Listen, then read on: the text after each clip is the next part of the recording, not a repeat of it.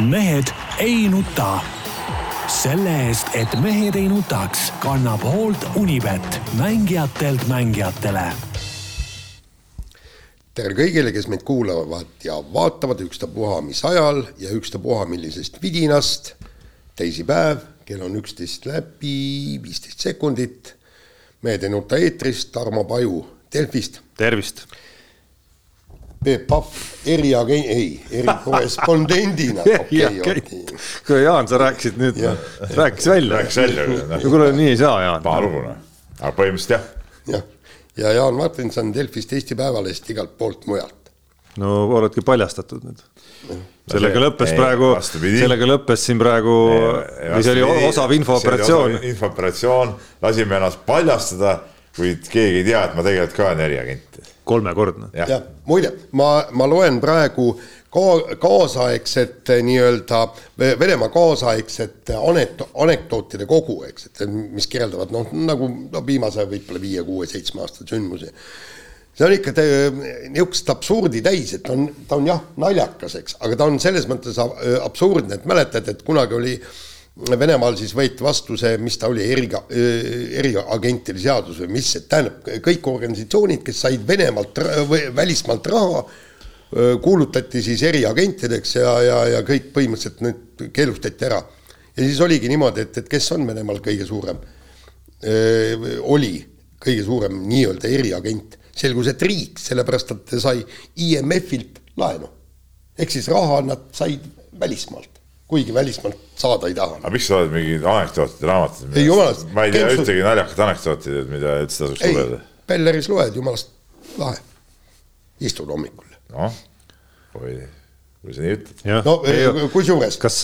sul on jumalast hea, head raamatud ju seal Äh, viimati, kui me sinu juures käisime. minul on see hea draama. see, see blokaadi kolm osa, et, et ma, ma nüüd kogu aeg mõtlen, et tegelikult peaks see. Peebule külla minema, et saaks ei, seda raamatut lugeda. ei, uuesti läbi lugema, kusjuures mul naine võttis, võttis raamatukogust ju spetsiaalselt, luges kõik need kolm teost läbi no, väga hästi kirjutatud ja väga nii-öelda, nii-öelda realistlikult. no tehes nüüd ikkagi nagu äh, põhi sissejuhatusteemas nagu sujuvat üleminekut, siis kas siis, kui sa seal Belleris raamatut loed neid anekdoote, kas sul EOK teenete märk on rinnas ikka ilusti? oota, sa pidid ordeniga tulema. ja kus, kus ja kus ta praegu ei, on siin laua taga? ma ütlesin sulle, et orden peab iga kord saate rinnas olema. ei tähendab, punkt üks, ma ei fetišeeri mitte mingisugust, mul ei ole ei, sina ei fetišeeri, meie fetišeerime no.. see on meie, see. sa viskasid ära selle või? ei, ei, minu orden on kenasti kamina peal praegu ja. sa ei pidanud fetišeerima, sa paned kamina Simsile selle. ei, ei, ma ah., ta on lihtsalt karbi sees nagu tagasihoidlikult ja kõik, eks. ma olen tõesti eh, EOK-le süga,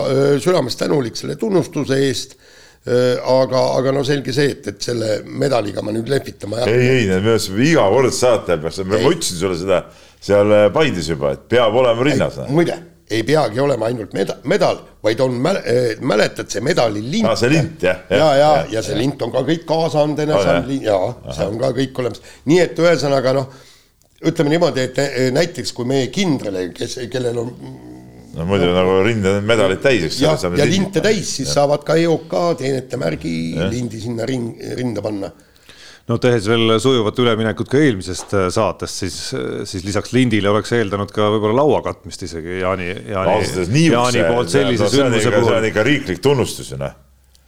see on parem kui presidendi orden ju. ei, see on pisikese organ, see on palju, seal on kaksteist inimest töötab selle tunnustus, mis on nii väga suur.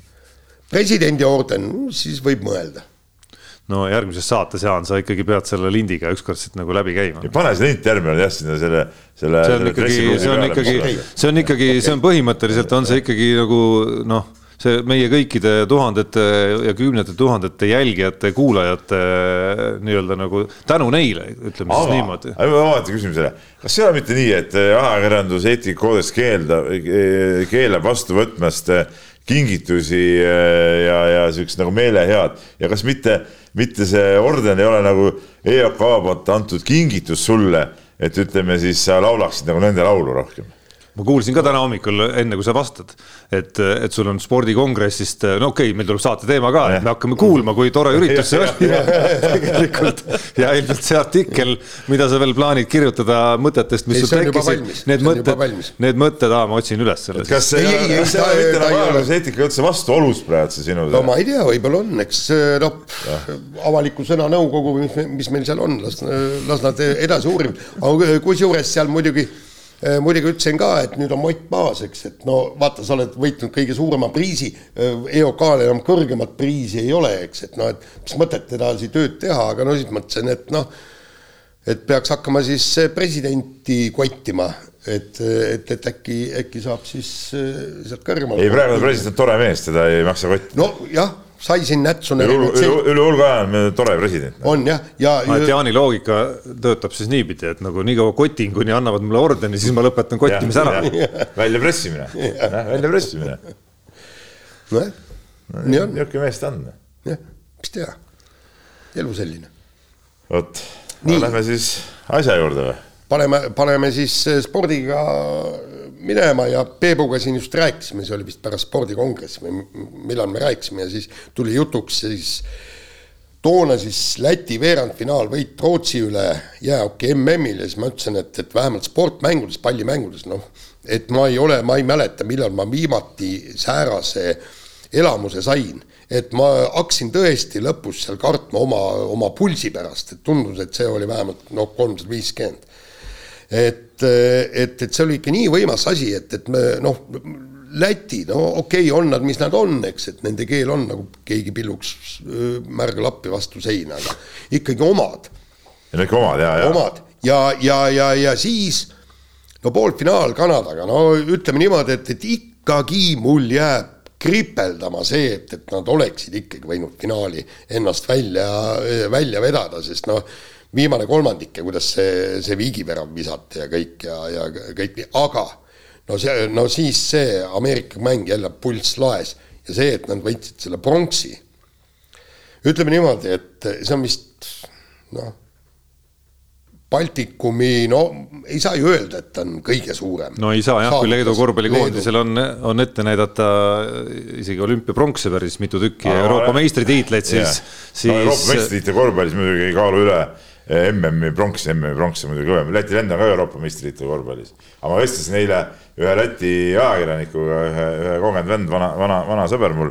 ja, ja küsisin, et, et kuhu tema nagu asetab selle ütlesin ka, et no te siin alles hiljuti saite ju kolm kord kolm korvpallis äh, olümpiavõidu ja nii edasi. ja ta oli parajasti autoga, sõitis, ta oli äh, Läti ajakirjanikud käisid autoga Tamperes niimoodi, et läbi Tallinna laevaga üle ja, ja siis, äh, siis sealt oli parajasti tagasi teel ja ta veel ütles, et oot-oot, ma küsin siin oma noorematelt eh, kolleegidelt ka ja, ja siis eh, midagi seal pudistas selles koledas keeles ja siis ütles, et siin mehed, nad naeravad, et, et naeravad sellepärast, et noh, et siin ei ole midagi võrreldagi, et, et see on ikkagi absoluutselt kõigi aegade kõige kõvem asi, mis Läti spordis on, on juhtunud. no eks see, eks enam-vähem samade järeldusteni oleme me ise ka jõudnud siin, et äh, meil oli üks kiri ka, kui mitte rohkem kui üks äkki isegi sellesama küsimusega, et, et mis Eestis peaks juhtuma, et, et äkki, et niimoodi erakorraliselt antakse riiklik vaba päev kõikidele tähistamiseks, et, et käies siis läbi seda Eesti viimase paarikümne ja, ja rohkemgi aasta ajalugu, siis, siis noh olümpiavõite on küll olnud, aga, aga ükski ei tundu selline, et, et see kuidagi nagu võrreldav oleks mingisuguse suure võistkonna ala sellise noh, sellise nagu hurraaga, mida, mida see Läti hoki pakkus. vaata, see ongi see, et see võistkonna ala just liidabki sind ja noh, ja no mul oli võimalus ikkagi seda veerandfinaali käia Riias vaatamas, mis võimalus on, ma ise tekitasin endale selle võimaluse, see oli sihuke, sihuke emotsiooniost, et kui see oli vist teisipäeva õhtul, kui neil oli Šveitsiga see alagrupi viimane mäng ja see oli väga võimas mäng ja selle võitsid ära ja siis ma kohe, nii kui mäng lõppes, avasin siis äh, äh selle piletiostusüsteemi ja, ja, ja ostsin. said hakkama omal käel? ostsin, ostsin kaks piletit, jah. päriselt? Mis me peaks saama hakkama siis? ei no me siin ma... saate eel ka ma... natuke nikerdasime siin. no see oli, no see on teine asi, see on jälle, see on selle meie sponsori, ütleme kodulehe nõrkus nagu ütleme niimoodi. et sellest me räägime pärast, aga, aga. huvitav, et mul see väga kergelt käis aga... ikkagi, millega sa oled mitu kuud maadelnud. aga nüüd ma lähen nüüd põhiasja juurde tagasi, et, et muidugi piletid olid muidugi ikka suht kallid, ütleme nii, et sada nelikümmend eurot oli see koht, kus ma istusin seal seal ütleme nurga peal, ütleme taga ja, ja külje vahepeal. Ja noh, käisime, käisime siis poisiga kahekesi, noh, kakssada kaheksakümmend eurot see piletid pluss siis autoga sinna ja, ja tagasi, aga, aga ütleme, ma arvan, et see igat eurot oli väärt see käik, et see elamus, mis sealt, mis sealt saalist veel sai seejuures, no see oli ikkagi täiesti uskumatu, no niisugune, niisugune see melu ja, ja, ja kaasaelamine ja ja kuidas võimsalt need laulud seal tead kõlasid, ma Jaaniga rääkisin pärast seda, Jaan ütles, et et, et tele-eetris need niimoodi ei, ei kostnudki, eks ole. ei kostnud jah. aga ütleme sealt koha pealt, see oli ikkagi, ikkagi väga-väga võimas ja vägev ja, ja ma ütlen, lätlased oskavad hokile kaasa elada, nad lihtsalt ala, ala tunnevad ja nagu seegi näitab, et kui no seal oli kümme tuhat inimest oli saalis, eks ole, pluss teist sama palju oli õues seal nii-öelda fännialal, et no siis no julge sihuke ma pakun välja, seitsekümmend protsenti inimestest olid seljas ikkagi Läti koondise särgid, et, et, et see juba näitab ära, et noh, need ei ole mingid siuksed ühekordsed eh, kohalkäijad, vaid, vaid hoki ikkagi ongi see, mis, mis neid puudutab. Ja sama ajakirjanik, kellega ma eile rääkisin ka, see ütles ka, et noh, et hoki ikkagi on Lätis olnud kogu aeg ikkagi see sihuke kõige tähtsam ala ja number, number üks ala, et, et eh, ei, see oli ülivõimas, noh ülivõimas, ma ütlen, ma sihukest emotsioonilaksu, kui, kui seal ma sel, sel aastal kindlasti spordis pole saanud. aga noh, see emotsioon on ka ju selline asi, mis krutib ikkagi nagu aja käigus natukene, nii pika aja kui ka lühikese aja käigus, et me eelmises saates alles rääkisime siin, kuidas kuidas esimestes mängudes veel isegi kodusaal ei olnud veel nagu täis müüdud siiski, mis kõlas natukene nagu ootamatult, teades kogu seda hoki, hokivaimustust ja hoki noh, kultuuri sügavust siis ütleme, mis Lätis nagu olemas on, on ju. et noh, tuues selle siis nüüd Eesti mingisse paralleeli, et siis, siis niimoodi see vaba päev lõpuks nagu tekibki, on ju, et sa mängid alagrupi mänge, ilmselt koged seal mingisuguseid raskusi, võidad kuskilt, on ju, siis pääsed play-off'i. noh, midagi sarnast, kui ma ei tea, Eesti Kossu koondis alles oli oli finaalturniiril, on ju, et nad oleksid ikkagi selle edasipääsu sealt kätte saanud, siis see haarab kaasa mingi järgmised tuhanded, on ju, siis võidavad seal, üllatavad veel kedagi, siis tulevad järgmised tuhanded, tuhanded ja niimoodi see krutib lõpuks selle, selle medali hurraani ikkagi välja, kus enam pole kümned, vaid sajad tuhanded. esimestel mängudel ei olnud jah, see ütleme kümnetuhandene saal on see hokimängu ajal Riiga Arenat, seal oli sihuke kaheksa pool, kaheksa, kaheksa pool tuhat inimest olnud, aga noh, seda nad ütlesid ka, et et esimesed mängud, sest et kuna see turniir on nii pikk, eks ole, et kui sa pead ostma nii palju neid pileteid, no see läheb nii, nii kalliks ja, ja võib-olla inimesed ikkagi ajasid selle nagu turniiri teiseks pooleks, et siis seal lõpus oli ikkagi kogu aeg nagu, nagu täismaja ja see, mis, mis Läti rahvamass veel läks sinna Tamperesse medalimängudele kohale, no seal minu arust peale lätlaste kedagi polnudki tribüüni peal, et see kui neid poleks olnud, ma ei tea, mis tühja, tühjas saalis mänginud seda. nii, aga, aga samas äh, Urmo Soonvald äh, ütles väga tabavalt, et tegelikult see vaba päeva andmine oli ennetustegevus, sellepärast et äh, sealsamas esmaspäeval niikuinii pool Lätit oleks olnud maani purjus ja, ja, ja keegi poleks niikuinii tööle läinud, et, et seal oli see... olnud juba pärast seda neljapäevast võitu oli olnud niimoodi, et, et reede hommikul oli, olid veel inimesed linna peal nendes Läti koondise särkides seal ringi tuianud ja kui ma hakkasin neljapäevaselt autoga ära sõitma, no siis see signaalitamine ja, ja see käis ja ma, no Tarmo, sa tead ka Riiast väljasõidul see eh, kurikuulus eh, McDonalds ja, ja Statoili bensukas, kus me sinuga oleme elu jooksul ka korduvalt eh, ja. käinud Riiast ära tulles. Double-Dice cheeseburgersit ostnud. no McDonalds oli juba kinni, siis oli kell juba, juba üksteist läbi, aga me käisime seal. Drive-in ka. Drive-in'is järjekord oli meeletu, noh, meeletu, sest inimesed kõik tulid ju sealt autodega. ja siis käisime seal lihtsalt seal tanklas seal kõrval, võtsime sealt natuke söögipoolist tagasi teele ja, ja siis see, see bensujaam oli täis äh, neid äh, Läti särkides inimesi ja Latvia, Latvia niimoodi kaikus nagu üle selle äärelinna ka, et no see oli ikka ikkagi, see oli ikka kõva. ja aga, aga öelge nüüd mulle, et äh, kas Eestis on mingit spordiala, mingit võitu, mis sedavõrd ühendaks, et, et näiteks kui korvpallis juhtumisi või võrkpallis mm, tuleb meile EM-i pronks kas, kas oleks Eesti või oleks kogukond, spordifännid, kas see suudaks hõlmata kogu Eestit? kas, kas see suudaks ka, ka, ka neid öelda, ühesõnaga neid inimesi, kes muidu spordi vastu suurt huvi ei tunne, panna nii vaimustuma, et nad läheksid välja, sest mul, mul oli õnn olla Pariisis, kui Prantsusmaa tuli jalgpallis maailmameistriks. no see oli, see oli meeletu, see oli, minu meelest oli kogu Pariis oli väljas.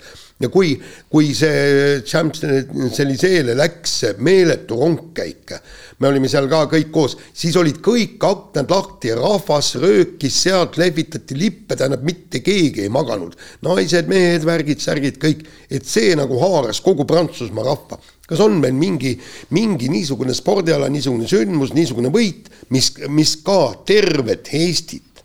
vot see saabki olla niisugune ala, mis on meie, meie sisse juurdunud, et sa tõid nagu kaks ala nagu välja, eks ole, ongi see, see korvpall ja, ja võrkpall, võib-olla see, võib-olla see võrkpalli sihuke ähm, sisemine sihuke, kuidas ma ütlen, nagu jõud on, käid nagu üles-alla, eks ole. no samas see, see, kui palju nendel ütleme, viimase kümnendi finaalturniiridel ka Eestis väljas Eestist väljaspool on käinud Eesti fänne koha peal, noh, see viitab minu jaoks ikkagi, et, et ma arvan, et see lugu ühendaks ka, see, see tek-, see tekiks küll, kui äkitselt. aga alla medali nagu ei, ei, samasugust efekti ei ole võimalik nagu, nagu saavutada, et see on, see on nagu, see on nagu selgemast selgem. Ja noh, ja kui me räägime, et okei okay,, üks on see emotsioon, teine on nüüd, kui me vaatame seda Läti koondist ennast, eks ole, mis on nagu selles suhtes ka nagu väga vinge, vinge koondis, kus on ikka need erinevad, erinevad põlvkonnad on päris hästi ühendatud, seal oli ju ju päris, päris kõvasid vana, vanameistreid, olid siuksed eh, keskmikud ja siis ütleme, see noor põlvkond, kes sealt eh, nii-öelda USA, USA ülikoolidest ja, ja, ja sealt AHL-i satsidest tulid veel juurde, et, et sihuke noh, ikkagi väga, väga kihvt, ütleme põlvkondi ühendav sihuke, sihuke kooslus ka. Noh. ja pane veel treenerid juurde, soomlased, soomlased olid sinna ju. treenerite koosseis oli ju, ju, ju, ju super, eks ole, et, et seal olid ju ütleme jah, see soomlane Petteri Nummeliini toomine oli sihuke üllatuskäik ja see pidi olema mingisugune kõva kaitses, Pett, nad ise ka omale kaitse, eks ole, pidi selle spetsialist olema. pluss siis. Irbe väravahti treener, eks ole, no absoluutne, absoluutne legend, eks ole, ja, ja, ja Vitorins ise ju olnud ju Venemaa koondise abitreener pikki aastaid seal KHL-i klubides ja igal pool töötanud ja, ja, ja A-pools ja, ja ei, see oli, see oli see oli noh, väga hästi oli kõik, kõik kokku jooksnud, tead noh. ja ma saan aru küll, paljud ja, ja meil tuli siin isegi praegu saate ajal tuli üks kiri siin, sõber Ants kirjutas, et et Läti sai medali ikka sellepärast, et tipusatsid olid nõrgad ja nii edasi ja ja no ma vaatasin, mis Venemaa meedias toimus, seal ikka mõned mehed nagu täitsa naeruvääristasid seda ja nii edasi, et noh, see kõik on nagu tead täielik udujutt, et noh et. no kui, kuidas sa, kuidas sa, oota, oota. mis nõrgad, kui võtame sama selle Rootsi, Rootsil oli ju, ma ei tea, kuus või seitse NHL-i venda oli, oli, oli satsis. võta Soome. Soome, Šveits, NHL-i vennad sees, eks ole huvitaval kombel jah, need Kanada, Kanadas kõik oli, need, kõik need kukkusid välja. Stanley Cupi võitjad, okei okay,, nad tulid maailmameistriks ka lõpuks, eks ole, olid, olid siuksed mehed sees et, et. et kuidas nemad saavad ja. olla nõrgemad kui saa, Läti, ei ole, ei ole Soome koondis, ei ole Rootsi koondis, ei ole Šveitsi koondis äh, nõrgem paberil vähemalt ja, ja saavutatud ei ole. kokkuvõttes äh, äh, need Kanadad ja USA-d ju okei okay,, seal olid mõned üliõpilased ka, aga koosnesid ju ikkagi NHL-i mängijatest. kui Lätil oli väravavaht, eks ole, see Žilovs oli viis mängu mängis sel hooajal NHL-is, ülejäänud hooaja pani seal AHL-is, eks ole, ja lõpuks sai kogu turniiri MVP, noh et, et et, et eh, noh, see ei ole nii, et lihtsalt ütleme, okei okay,, selge see, et eh, mida lätlased ise ka ütlesid, noh, sama aega ütlesid, noh, seda saavutust on korrata, noh, ütleme lähiajal, no, no see on praktiliselt ebareaalne nagu.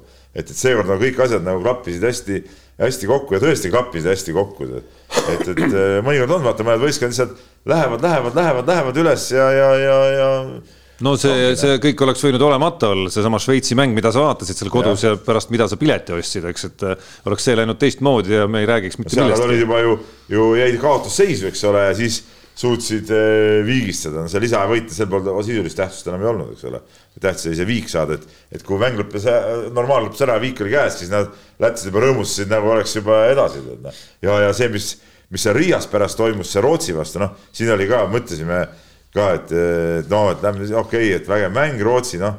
no mis siis on, lähme sinna, esimese kolmandiku järel null kolm, pärast on null viis ja siis tuleme sama targalt tagasi, eks ole. aga see, kuidas seda mängu nagu mängiti ja, ja see, mis, mis seal saalis nagu pärast veel toimus, oligi niimoodi, et nad ju võitsid ära, onju ma ei tea, kaua see teleülekanne kestis, aga tegelikult üks reaalsus kakskümmend minutit oli niimoodi, et mehed olid hääl ja ühtki inimest praktiliselt tribüünidelt ära polnud läinud, et, et see sihuke see see aplaus ja, ja see möll nagu käis juba siis, ma siis nagu mõtlesin seda, et noh, lätlased oleks nagu praegu juba medali võitnud või, või nagu maailmameistriks tulnud, et et, et see oli jah, ei, see oli äge asi. no sellele algsele küsimusele reageerides veel, et, et seesama turniiri käik ja Soome ja Rootsi ebaõnnestumine tõestas ju päris ilmekalt äh, seda, mida siin äh, hokistuudios ka Robert Rooba rääkis, et et, et eriti sellises formaadis, kus sa mängid pärast klubi hooaega MM-i, mis toimub igal aastal, äh, need seda tüüpi Kanadad Äh, kus ei ole kohal kõiki staare, ongi, ongi näljasemad, ongi ja. sellised satsid, keda on lihtsam äh, meeskonnaks nii-öelda nagu kokku, kokku paigata ja nagu näha, siis, siis lõppkokkuvõttes, keda on lihtsam ka nagu ikkagi nagu tiitli, tiitlit võitma panna versus see, et sa, et sa saad kõik oma paremad mehed kokku, kelle motivatsioon võib-olla ei ole ikkagi see. seal oli ka äge, seal oli üks Äh, Kanadas oli mingi kolmekümne nelja aastane mees esimest korda Kanada koondises. noh, kujutad ette, mis moti-. samas saan Standi karika võita. ja kujutad ette, mis motivatsioon sellisel mehel, kes kolmekümne neljaselt saab veel seda särgiau nii-öelda nagu ka ja siis kaitsta veel, täpselt, mida, mida Kanadas see tähendab. et oled sa see kahekümne aastane tõusev täht, kellel on oma, oma motivatsioonid seal, kes on drafti mingisugune tippvalik olnud ja ka, ja peab hakkama alles tõestama ennast, on ju, või kes pole veel läbilööki teha suutnud. ja ilmselt selle MM-i äh, noh, eduga tee annab ilmselt nagu teeb kõva sammu selles suunas, et järgmisel hooajal NHL-is ka rohkem pildil olla.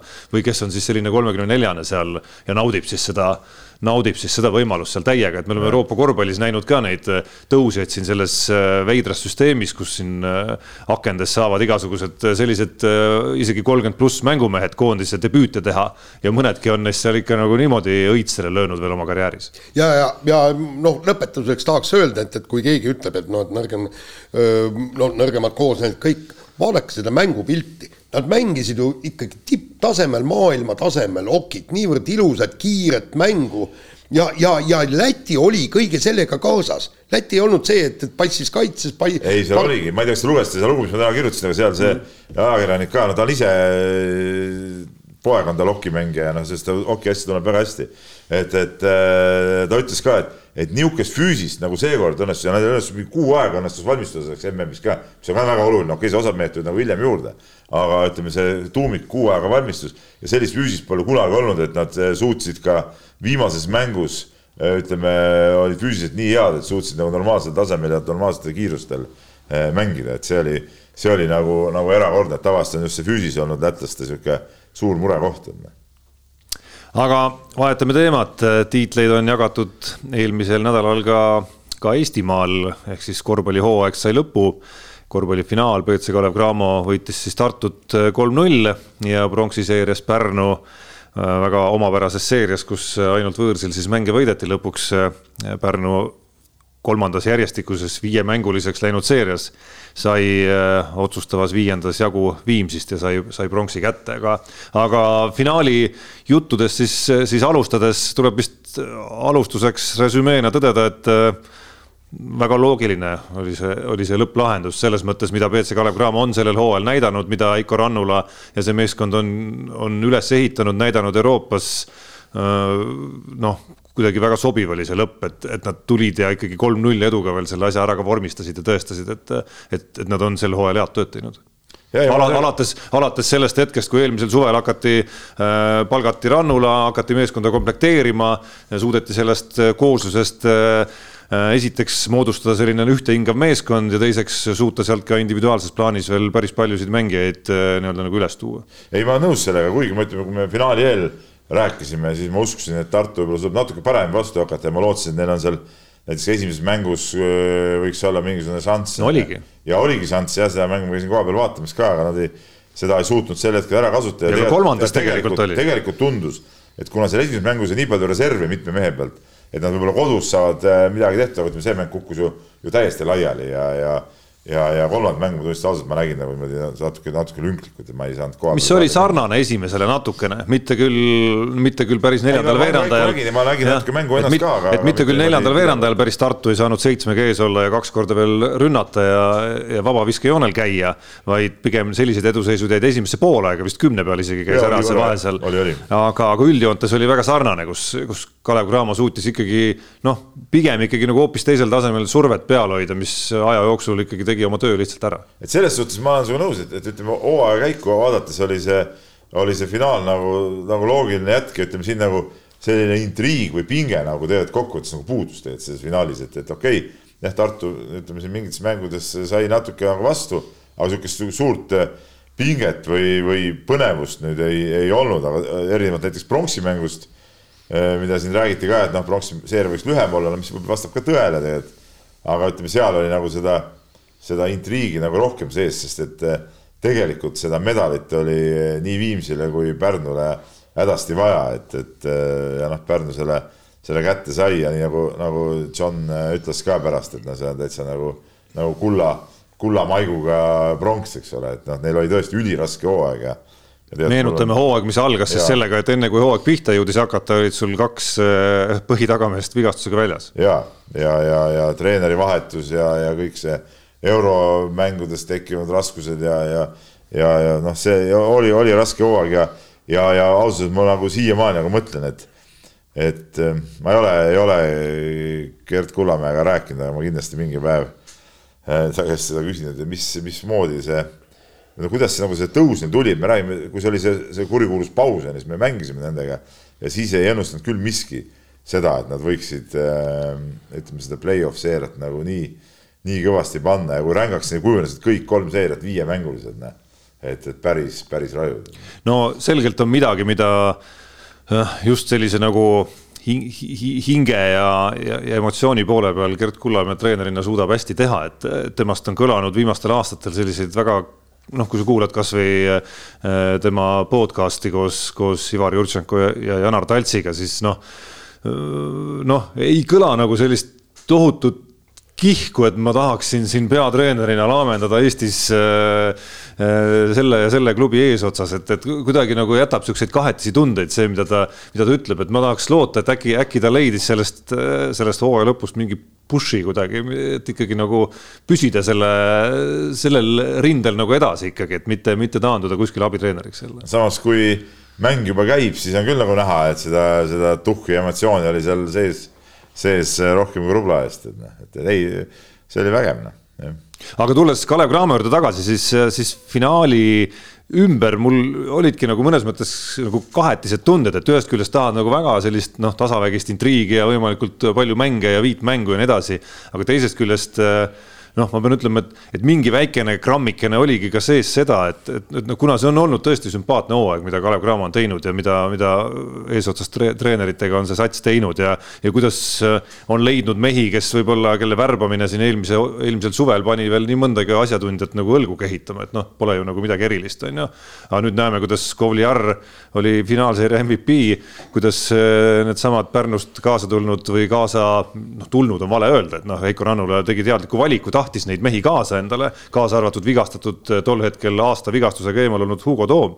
ja ja, ja ta võttis ja need on põhilised mehed, kellest me räägime praegu siin kui selle hooaja esiletõusjad ja arenejad ja, ja ka mingitel hetkedel, kes eurosarjas, kes finaalseerias sellised võtmemängijad. et, et alates juba sellest jada sellest otsast, kuidas, kuidas, kuidas see tegemine on seal nagu käinud, et, et mõnes mõttes nagu mingi grammikene nagu lootiski, et nad saavad hakkama sellega, et nad pärast seda Eesti-Läti liiga ja eurosarja lõppu seda noh, ikkagi nagu väga õnnetut nädalavahetust ja nädalat, et nad võtavadki kokku ja nagu teevadki ära selle nagu nulliga lihtsalt, et nagu, et nad saaksid nagu premeeritud põhimõtteliselt selle kõige eest, mida nad sel hooajal nagu hästi teinud on. jah, ei selles suhtes äh, müts maha, noh, ma ütlen, et kui ma käisin siin ühes äh, podcast'is äh, ja, ja seal mu käest küsiti ka, et kes sai nagu aasta treener ja siis ma ütlesin ka, et no siin ei ole midagi rääkidagi, et noh, Rannula igal juhul, et ütleme see, kuidas ta, kuidas ta need vennad on sealt üles toonud ja, ja mängima pannud ja, ja see, see ütleme, räägib iseenda eest. ja noh, see lause, mis Heiko Rannula tänases äh, intervjuus siin meie enda lehes ja portaalis ilmus äh,, noh, kus ta sõnastas ikkagi nagu väga selgelt ära ka selle, et tema eesmärk on, et mõne, mingid Eesti mängijad teeksid neid samme edasi, et see, et see on nagu selle meeskonna juhendamise ja, ja, ja klubi noh, nii-öelda eesmärkide seas peab olema olulisel kohal ja on tema jaoks treenerina ka. see kõlas tegelikult ikkagi nagu noh, nagu muusika mõnes mõttes, et seda ei ole iga treener sõnastanud ja seda me ei näe iga, eriti välismaalasest treeneri käekirjas, et see oleks nagu oluline. isegi see, et need mängijad peavad teema sammu edasi, aga teisalt nagu tahaks äh,, tahaks, et ka see klubi suudaks teha neid samme edasi ja, ja, ja olla aina kõvemal, kõvemal, kõvemal tasemel, et ütleme, ei peaks tingimata kuhugi suvalisse kohta välja need vennad minema, vaid, vaid saaks ka siin, ütleme, need mängud kätte. on ta siis Eurocup või, või Champions League või, või mis iganes.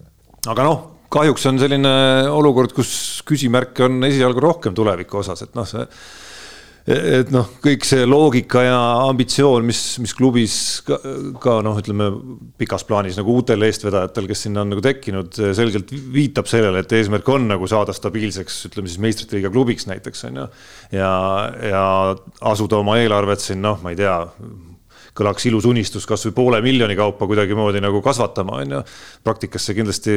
poole eriti... miljoni kaupa kasvatada on ikka väga. no see, see, see kõlab väga ambitsioonikalt, absoluutselt noh, et miljoni pealt poolteisele ja siis poolteiselt kahele ja, aga noh, teistmoodi see nagu noh ma arvan, et nagu väiksema ambitsiooniga ei ole, ei ole ilmselt ka nagu mõtet võib-olla vähemalt vastu minna sellele suvele, mis on jah, on see küsimärk, et et sa ei saa täna veel mingisugust garantiid näiteks vähemalt Fibalt, et sa, et sa omad seda meistrite liiga põhiturniiri kohta järgmisel hooajal, et.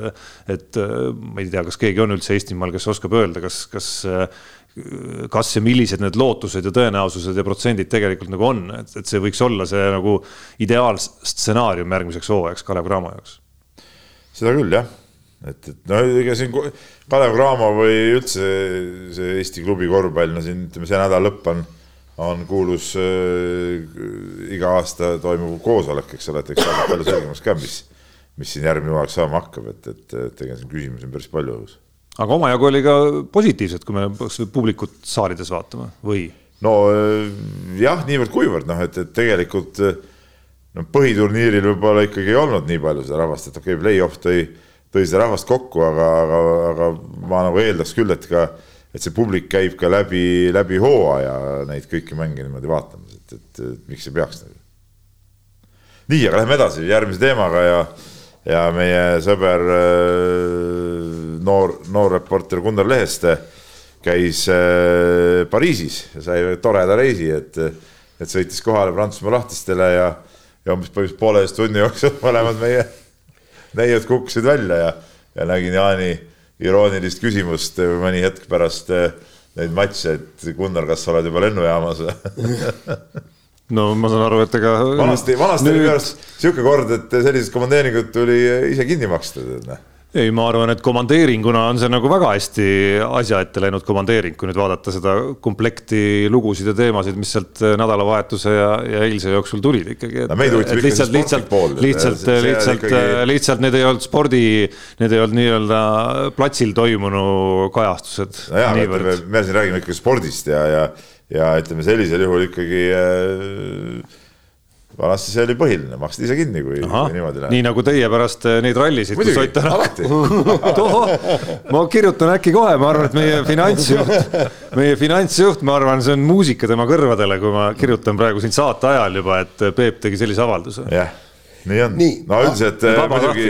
kannab tagasi. Eh, üldiselt muidugi no kehva meie tenniseseis no, no ütleme niimoodi, et tegelikult seda võis natukene eeldada. võis eeldada küll, jah. jah, et, äh, et, et ma vaatasin ka neid mõlemaid mänge. noh, nii palju kui, äh, kui aega oli ja kuidas ma sain kahe mängu vahel sõeluda. kumbki mänginud oma taset välja lihtsalt nii, nii lihtsalt oligi ja, ja no,. defineeri nüüd ära oma tase, antud juhul just täna, mis see on siis kolmekümnes või eile, kahekümne üheksas mai kaks tuhat kakskümmend kolm. tipptasemest. ja ei muidugi, ma, ma seda mõtlengi, et tipptasemest ja, ja seal oli kohe ikkagi näha, kuidas, kuidas Anett Kontaveiti vaevas, vaevas see seljahäda, et noh, ta tegi seal ikka niisuguseid lööke, mida ei saaks, ei saaks nagu teha, et, et ta ilmselgelt ei tundnud ennast seal platsil mugavalt et siis, kui algus veel äh, suutis selle mänguga kaasas äh, olla, esimest seti kaotas kiires lõppmängus ja jõle valusalt, eks ju. et ta, et ta oli, e-, ta oli ees, mis ta oli ka kiires lõppmängus kuus-neli ees, kaotas neli punkti. et äh, et kuidas ta üritas ennast nagu nii-öelda üles push ida oma jälle come on ja hästi emotsionaalne oli kõik, et ta tahtis seda mängu väga võita aga, aga lihtsalt keha ei tulnud tahtmisele järgi, see oli minu arvamus. ja, aga noh, su mäng sõltub ikkagi ka vastasest ja ega see nüüd lihtne saak, üldse ei, lihtne saak ei sattunud talle kohe esimesse ei, ringi. no aga sellepärast ei sattunudki, nad pole kumbki paigutatud mängijad, isegi nad said head vastased, kelle vastu oli võimalus võtta see võit, eks. Nad oleks võinud saada ka. ei no mingi Sabalenka oleks võinud ka tulla kohe. no ei, absoluutselt, muidugi. et selles mõttes on kahju ja, ja Kaia Kanepi, et, et tema on ju noh ma olen tema mänge ka nii palju, kuivõrd viimaseid mänge, et ta mängib kuidagi tujutult ja, ja, ja ta ei ole enam see Kaia Kanepi, kes kes, kes oli ikka aastaid tagasi, kui ta. aastaid, vaid ütleme aasta tagasi ta oli väga hea ju. jah, kui jah, kui, kui ta võitis maailma esiräketeid ja täiesti emotsioonitult mängis, vigu ei teinud, väga head löögid, kõik, eks noh mängis ikka perfektset tennist te,, tema kohta perfektset tennist. et, et paraku seis on selline ja ega, ega siit midagi paremaks ei lähe, kohe on Wimbledon peale tulemas. et, et ma, ma, ma ei, mis ei tähenda, et nad peaksid esimeses ringis kaotama, eks. aga, aga no ma, ma ei näe võimalust, et kuidas sa Anett Kontaveit, kui ta on seda selga ravinud juba nii pikalt, ta võttis vahepeal üpris eh, pika pausi ja ikkagi ei ole asi korda läinud, et siin, siin on, siin on nüüd vaja just äh, arstide tarka sekkumist, et mis nüüd peab tegema. no küsimus ongi selles, et kas saabki üldse korda, eks ole. No,, et just... võib-olla, võib-olla nii kurb, kui see ka ei ole, võibki kõik noh, olla, olla nagu suures plaanis äh, lõppemas tema jaoks, noh, ma mõtlen tennisekarjääri mõistes, no millest oleks muidugi ääretult kahju, et, et mul jääb ikka sihuke tunne, et tal ikkagi see mingisugune potentsiaal või, või, või need paremad mängud, et nagu oleks pidanud nagu ees ikkagi olema, et, et noh no päris, päris harrastusmeedikuteks meil vist ei, ei ole mõtet kehastuda siin. nii kaua see on kestnud, see on selge see, et see on mingi tegemist on asjaga, millest on väga raske jagu saada no.. ja ei, kindlasti on, aga noh, teisest küljest äh, olles äh, noh, seljateemadega ise ka maadelnud oma elus, et äh, mis puudutab sellist noh, ma ei tea, füsioteraapiat ja neid harjutusi ja nii-öelda mingite süvalihaste tugevdamisi ja asju, et no ega siis need, need ei käigi kiiresti et meil on siin olnud neid sportlasi küll, noh, Kristjan Kangur meenub näiteks, kellel, kes ka maadles tükk aega tegelikult nende probleemidega, aga vaata, kus on pikaajalise noh, ma eeldan ja spekuleerin natukene, aga pakun, et äh, lõpuks mingisugune hulk tööd, mis ta sinna sisse pani, loomulikult need terviseasjad on igalühel erinevad ja, ja need ei pruugi üldse samad lood olla, aga mingi, mingi hulk tööd, mida ta sinna pani ja, ja paneb tänaseni ilmselt äh, vähemalt selle hooaja lõpuni, andis selle tulemuse, et ta on endiselt veel selles vanuses nii heas vormis. ja aga, aga me vaatame, see on äh, kaks ikkagi eritaset, kui sa oled maailma tennise tipus, kus on teinekord kolmesetilised pikad mängud on ju ja sa oled oled kogu aeg, eks. teine asi on, kui sul on seljavigastus või tähendab see selg nagu noh, pinges haige, annab tunda kõik, nii treener panebki sind kümneks minutiks äh, platsile, sa saad piisavalt puhkeaega, eks. ja aga, aga see, et, et sa lähed ja sa pead selle mängu algusest lõpuni välja mängima, eks. ja kui see selg seda ei luba, noh, elu on selline, noh, kahju aga no teine teema, mis tennisega seoses on üleval, ongi siis ju see kuulus Kaia Kanepi teema ja noh, minu arust siin natuke natuke võib-olla isegi on, on võib-olla see nagu liiga domineerivaks saanud või, või, või noh, okei okay,, see teema oli üleval, loomulikult meile kellelegi või no mis meile kellelegi, see on totaks väljend, noh. ütleme siis, et noh, ütleme mulle, Jaanile, Tarmole tundus see nagu halb valik, mis ta tegi, eks ole. mängida paari venelannaga. paari venelannaga, kuigi siin olid mingi, mingi teatud põhjused, millest me eelmine saade juba, juba tegelikult rääkisime. ja, aga pärast seda on siis ilmunud ka üks artikkel äh, sõber Priit Pulleritsu sulest, kus seal ka Kaia Kanepi ema võtab sõna ja ütleme, see nagu näitab mingit sihukest nagu nende nii Kaia kui Kaia Kanepi ema mingit mõttemaailma, aga mul on nagu see, et, et, et ehm, noh, ma ei tea, kas siis, eh, kas meil ei olegi siis niimoodi, et igaüks võibki mõtelda nii, nagu ta tahab no aga ta mõtlebki nagu ta tahab. keegi, keegi tema mõtteid ei, keegi tema, keegi tema mõtteid, samamoodi on, nagu samamoodi on äh, sinul, minul ja Jaanil õigus tema seisukohtadest mõelda, nii nagu me tahame ja, ja kogu Eestimaa rahval ja ja eriti, kui sa oled veel noh, sportlasena selline esindusisik mingis mõttes, isegi riigi palgal ka kusjuures, siis noh, see päris nagu ükskõik ei ole.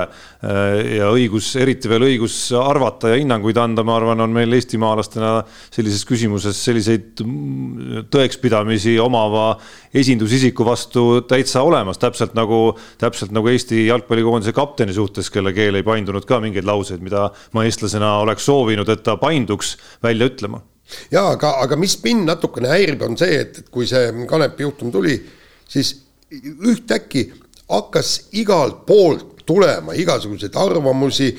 täiesti lambi inimesed arvavad. täiesti lambi inimesed ja kusjuures need arvamused ka avaldati ja kõik ja nii, ma saan aru, me teeme selle asja selgeks, me ütleme välja, et see on ei. et see on jama. see, see on ja. kõik jama, aga kui veel mingi kaks nädalat hiljem tuleb ikka veel kuskilt mingisugune pikk ja põhjalik lugu täpselt sellel samal teemal, millest eelmised viisteist, kakskümmend inimest on juba kirjutanud ja siis kahekümne esimene võtab no põhimõtteliselt korjab kõigist nendest kahekümnest eelnevast arvamusest kõik öö, lõigud ja laused kokku ja kirjutab oma arvamuse täpselt samas sõnastuses, täpselt sama samal teemal, et, et see natuke häirib. no sa nüüd selles mõttes liialdad kõvasti. ei, ma väga ei liialda. artiklist ei ole isegi tänase päeva seisuga äh,, väga heast artiklist kusjuures, tänase päeva seisuga möödunud nädalat, rääkimata kahest nädalast, nii et see, need ajamäärused, mida sa kasutad. juhtunust ja, ja, no, ja me räägime praegu Priidu artiklist, Priidu artikkel oligi väga hea. Jaan pidas silmas neid ka meil Delfis ilmunud mingite täiesti suvatontide mingeid arvamuslugusid, tead, mida, mida võib rahulikult tagasi lükata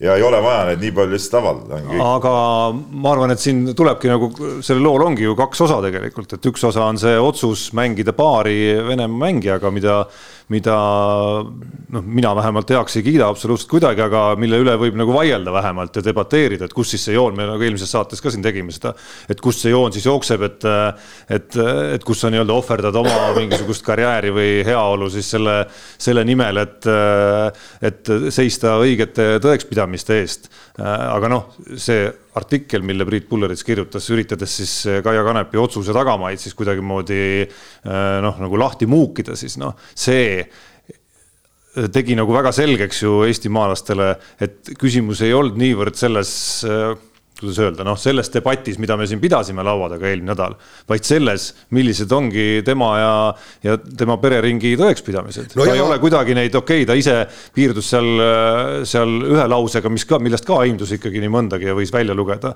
ja tema ema oli siis see kõneisik, kes, kes nii-öelda nagu paljastas nende mõttemaailma rohkem ja, ja, aga... ja, ja loomulikult eh, tema ema ei ole tema aga ta ei ole ka ise kasutanud ühtegi võimalust, et kuidagimoodi jätta teistsugust muljet või ümber lükata, et ta tegelikult äh, siiski äh, ütleme, et kinnitada, et tegelikult äh, ta leiab, et Venemaa on see paha selles loos. seda küll, aga noh, meile võib see meeldida või mitte meeldida, noh, me arvame ühte, aga tema võib arvata, mida, mida heaks arvab, no meil ongi ju, see ongi ju, igalühel on õigus oma arvamusele, no las ta siis, las ta siis arvab, kas me peame teda nagu seda heaks kiitma, kindlasti mitte, me ei kiida seda heaks, mis ta ütles, aga noh, aga kas me nüüd peame nagu lõputult seda nagu nagu äh, vatrama, noh, ma, ma ei ole ka päris kindel selles, et see ka nagu õige. ja aga lõputult, lõputult, lõputult ei vatragi selles mõttes, et no, ma räägin, et Priit Pulleritsu loost. me ei räägi Priidu loost. just sellest peakski rääkima, sest see, see, see muutiski kogu seda lugu ju Priit Pulleritsu artikkel muutiski, muutis selle ühest otsusest nii-öelda, et a la ma oma karjääri huvides ma ei tahtnud ohvriks tuua. ta on ju varem,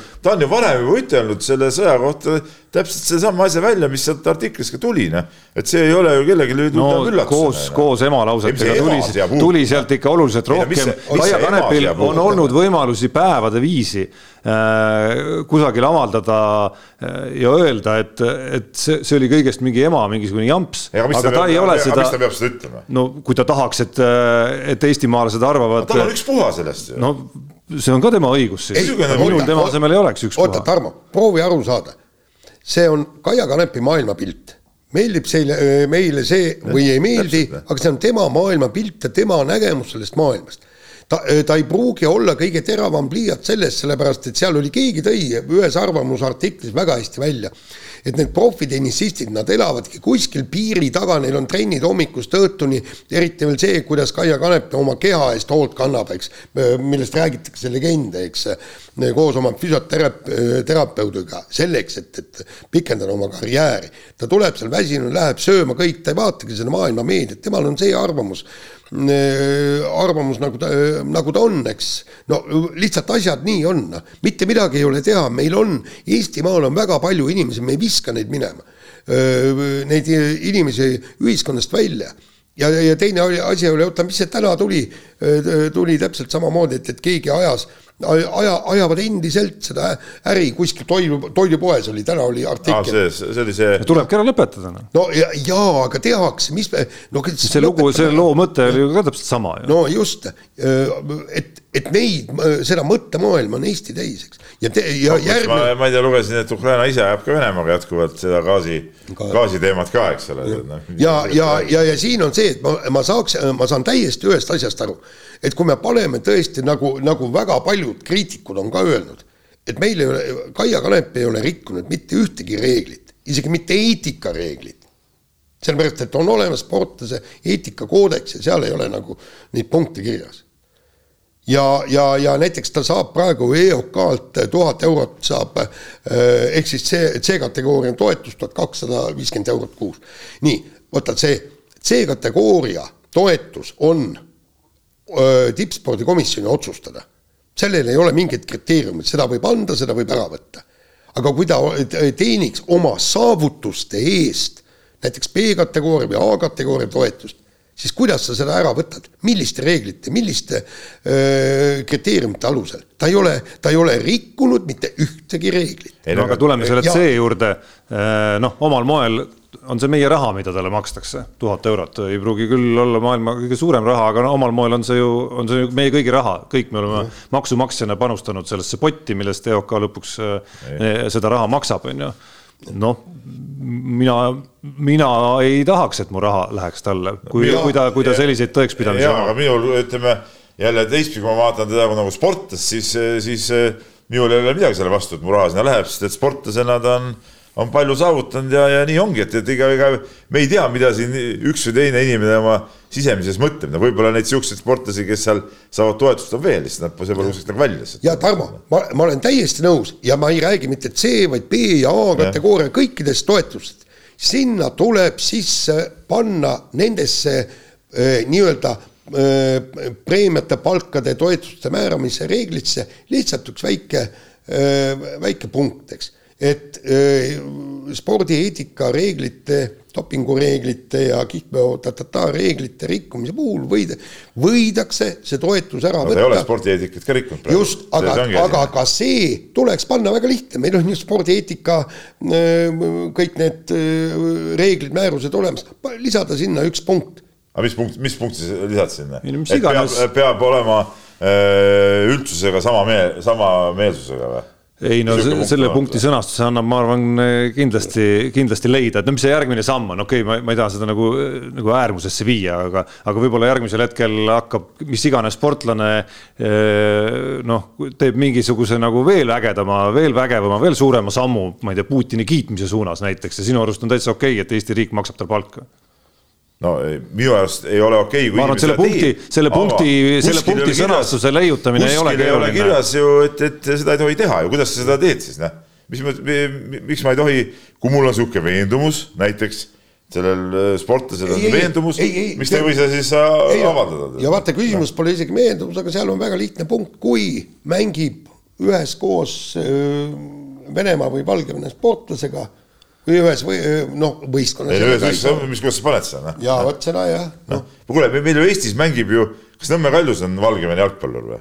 on või? ei no meil oli ka laskesuusakoondise peab. ei, seda küll, ma räägin praegu, et mis teeme siis, kõik need sportlased, kõik, kes mängivad Nõmme Kaljus, siis äh, on nagu mis, mis neist saab siis noh? ei no sama, samamoodi nagu me kuskilt meeleavalduselt äh, kõrvaldame inimesi, kes seal äh, nii-öelda mingi sõjaslõuganitega on, noh siis samamoodi annab avaliku elu tegelasi, kes, äh, kes mingeid seisukohti levitavad, samamoodi nagu võtta noh, mingil kujul vastutusele või panna, sõnastada mingeid punkte, mis siiski nagu mingil moel natukene nagu sätestavad Ai, seda või sõja, jätavad mingile komisjonile, jätavad mingile komisjonile ikka nagu mingi otsuseruumi antud juhul no,. sõjaslõugani kasutamine on midagi muud, eks ole, sa õhutad seda, aga see, kui sa eh, ütleme noh, ütleme, ütleme nagu see Kaia maailmapilt näitab, ega ta otseselt ju sõda ei õhuta, no see on jälle midagi muud, eks ole, ta on. ei, ma, ei, nagu ma viisingi selle näite nagu, veel rohkem äärmusesse. nagu teise poole poolt, mille poolt ei ole siin meie ega, ega enamus, eks ole, tead noh, selles on vist asi. Noh. vaata, ma kirjutan, olen siin no, mis, vahepeal. mis sõjaolukorras on siiski nagu Eesti vaenulik seisukoht selgelt ju ei no, no, seda... no väga, see on ju ei, no, väga selgelt ikkagi. No. no mis sa jamad, no see on ikka väga selgelt Eesti vaenulik seisukoht no,. et, et ei olegi Venemaa süüdi selles sõjas, vaid hoopis Ukraina no ma sinuga päris ei nõustu selles küsimuses niimoodi. jaa, aga vaata, ma olen mitmeid äh, lugusid ja vist ka arvamuslugusid kirjutanud kõik selle äh, Eesti, Vene, Ukraina äh, teemal ja tegelikult alati olen öelnud, et see on, see on ääretult keeruline olukord on üldse tekkinud, mäletate, kui algus oli, kui see sõda oli, kõik algus oli, mäletad, alguses oli niisugune möll, et, et kui julges EOK peasekretär Siim Sukres välja öelda, et et eh, no ta ei näe põhjust, et Eesti sportlased osalevad samadel võistlustel, kus venelased, jutt ei käinud, et mitte sellest, et nad mängivad venelaste vastu, vot siis ma kirjutasingi või seal oli üks artikkel, et kumb on siis kas õigem, kas me boikoteerime või me lähme ja üritame venelasi võita, näidates, et meie oleme tugevamad, eks. ja siis oli niisugune aplaava. ja kui kaotad siis? ei, ei. siis oled süüdi, lase maha, et sa lasid, kuna, kuna ei, ei, sa hoopis jäid häbisse, jäid häbisse. selles mõttes on see, selles mõttes on see jabur seisukoht, et lähme tõestame, et me oleme paremad. ei oota, oota see oli siis, kui ma kirjutasin, et mi-, kas me peaksime boikoteerima või ei peaks. ja enamus ja suur üldsus arvas, et me peaks, Eesti sportlased peaks boikoteerima neid võistlusi. ja, ja mitte minema võistlema sinna, kus osalevad venelased. Nüüd on see mõtteviis muutunud. mitte keegi, mitte keegi ei ole selle vastu. mitte keegi ei ole selle vastu, et kui mõni Valgevene sportlane mängib Eestis või vahepeal või siis treenis, et, et need on ajas muutuvad, kõik need mõtted. no muutuvadki, jah. ja no üks seesama tennis on ju noh praktikas teinud selle nagu noh, nagu loomulikuks, et, et mingitel aladel, kui sa tahad üldse edasi tegutseda seal, siis noh, sul ei ole nagu sportlasena Anett Kontaveidile näiteks mingisugust ju valikut isegi. no aga Ostapenkolt võeti ju aga, riiklik toetus ära, sellepärast et ta mängis turniiridel, kus osalesid venelased. aga no mis. see oli idiootsus, see oli idiootne otsus. no minu meelest ka, jah. et no ma ütlen, et need on need kohad, kus, kus on nagu debati kohta rohkem, aga see valik mängida paari koos ja rääkimata nüüd sellest sammust edasi nii-öelda omadagi tõekspidamisi, nagu Priit Pulleritsu artikkel näitas, noh, on ikkagi nagu samm ja mitu tükki edasi juba. ja vaata siin ma vaidlen sellele vastu, et eh, tõekspidamised on iga inimese enda asi. absoluutselt, absoluutselt, aga et, kui sa oled. Nagu, et, et sa ei saa nagu kellegi tõekspidamisi kritiseerida. kui on küll, aga näiteks kui oleks otsus, et ei tohiks mängida, kui sihuke otsus oleks ja siis mängib siis ma saan aru, et, et äh, noh, siis, siis on võimalik nagu seda kuidagi hukka mõista. No, aga kellegi räägid... tõekspidamise hukka mõista. ei no sa räägid, sa räägid nagu ka mingisugusest reeglistikust ja sellest, et kas on mingi toetuse omamine või võistlema lubamine või mitte. mina räägin sellest, et, äh, et ma arvan, et minu ja veel tuhandete, kui mitte kümnete tuhandete inimeste armastus ja austus Kaia Kanepi suhtes äh, sai kõva löögi ja, ja seda ei saa minult või nendelt kümnetelt tuhandetelt. aga muide, panid sa tähele, vaata, kelle vastu ta mängis seda mängu, Kaia Kanepi ja siis see venelanna. Hiina ja Hiina Taipei paari vastu, ehk siis ja, kahe riik. absurdne paar nagu mõnes mõttes. sama, tähendab, see on tegelikult ei oleks pidanud neil vastas olema Eesti ja Venemaa, vaid Ukraina ja Venemaa versus Hiina, Taipei ja, ja Hiina. No okei okay,, nüüd me oleme geopoliitikas no, mingi samm edasi, on ju, et noh, esiteks ei tunne seda konflikti nii hästi, teiseks nad ei ole päris sõjas, eks ole, ja teiseks ei tea nendest mängijatest ka mitte midagi, on ju. nojah, aga no selge see, et seal konflikt on neil ju ka omavahel. okei okay,, kuule. kuule, seda võib, võib ja kõik see on ajas muutuv, see on nii keeruline teema, et, et varsti, varsti me räägime hoopis jälle teist juttu ja kõik muu, aga nii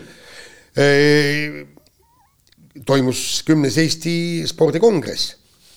hurraa no,, Peebuga olime mõlemad käisite kohal ja nüüd ma, nüüd, nüüd ma ikkagi kuulan huviga. hästi huviga. põnev kongress oli.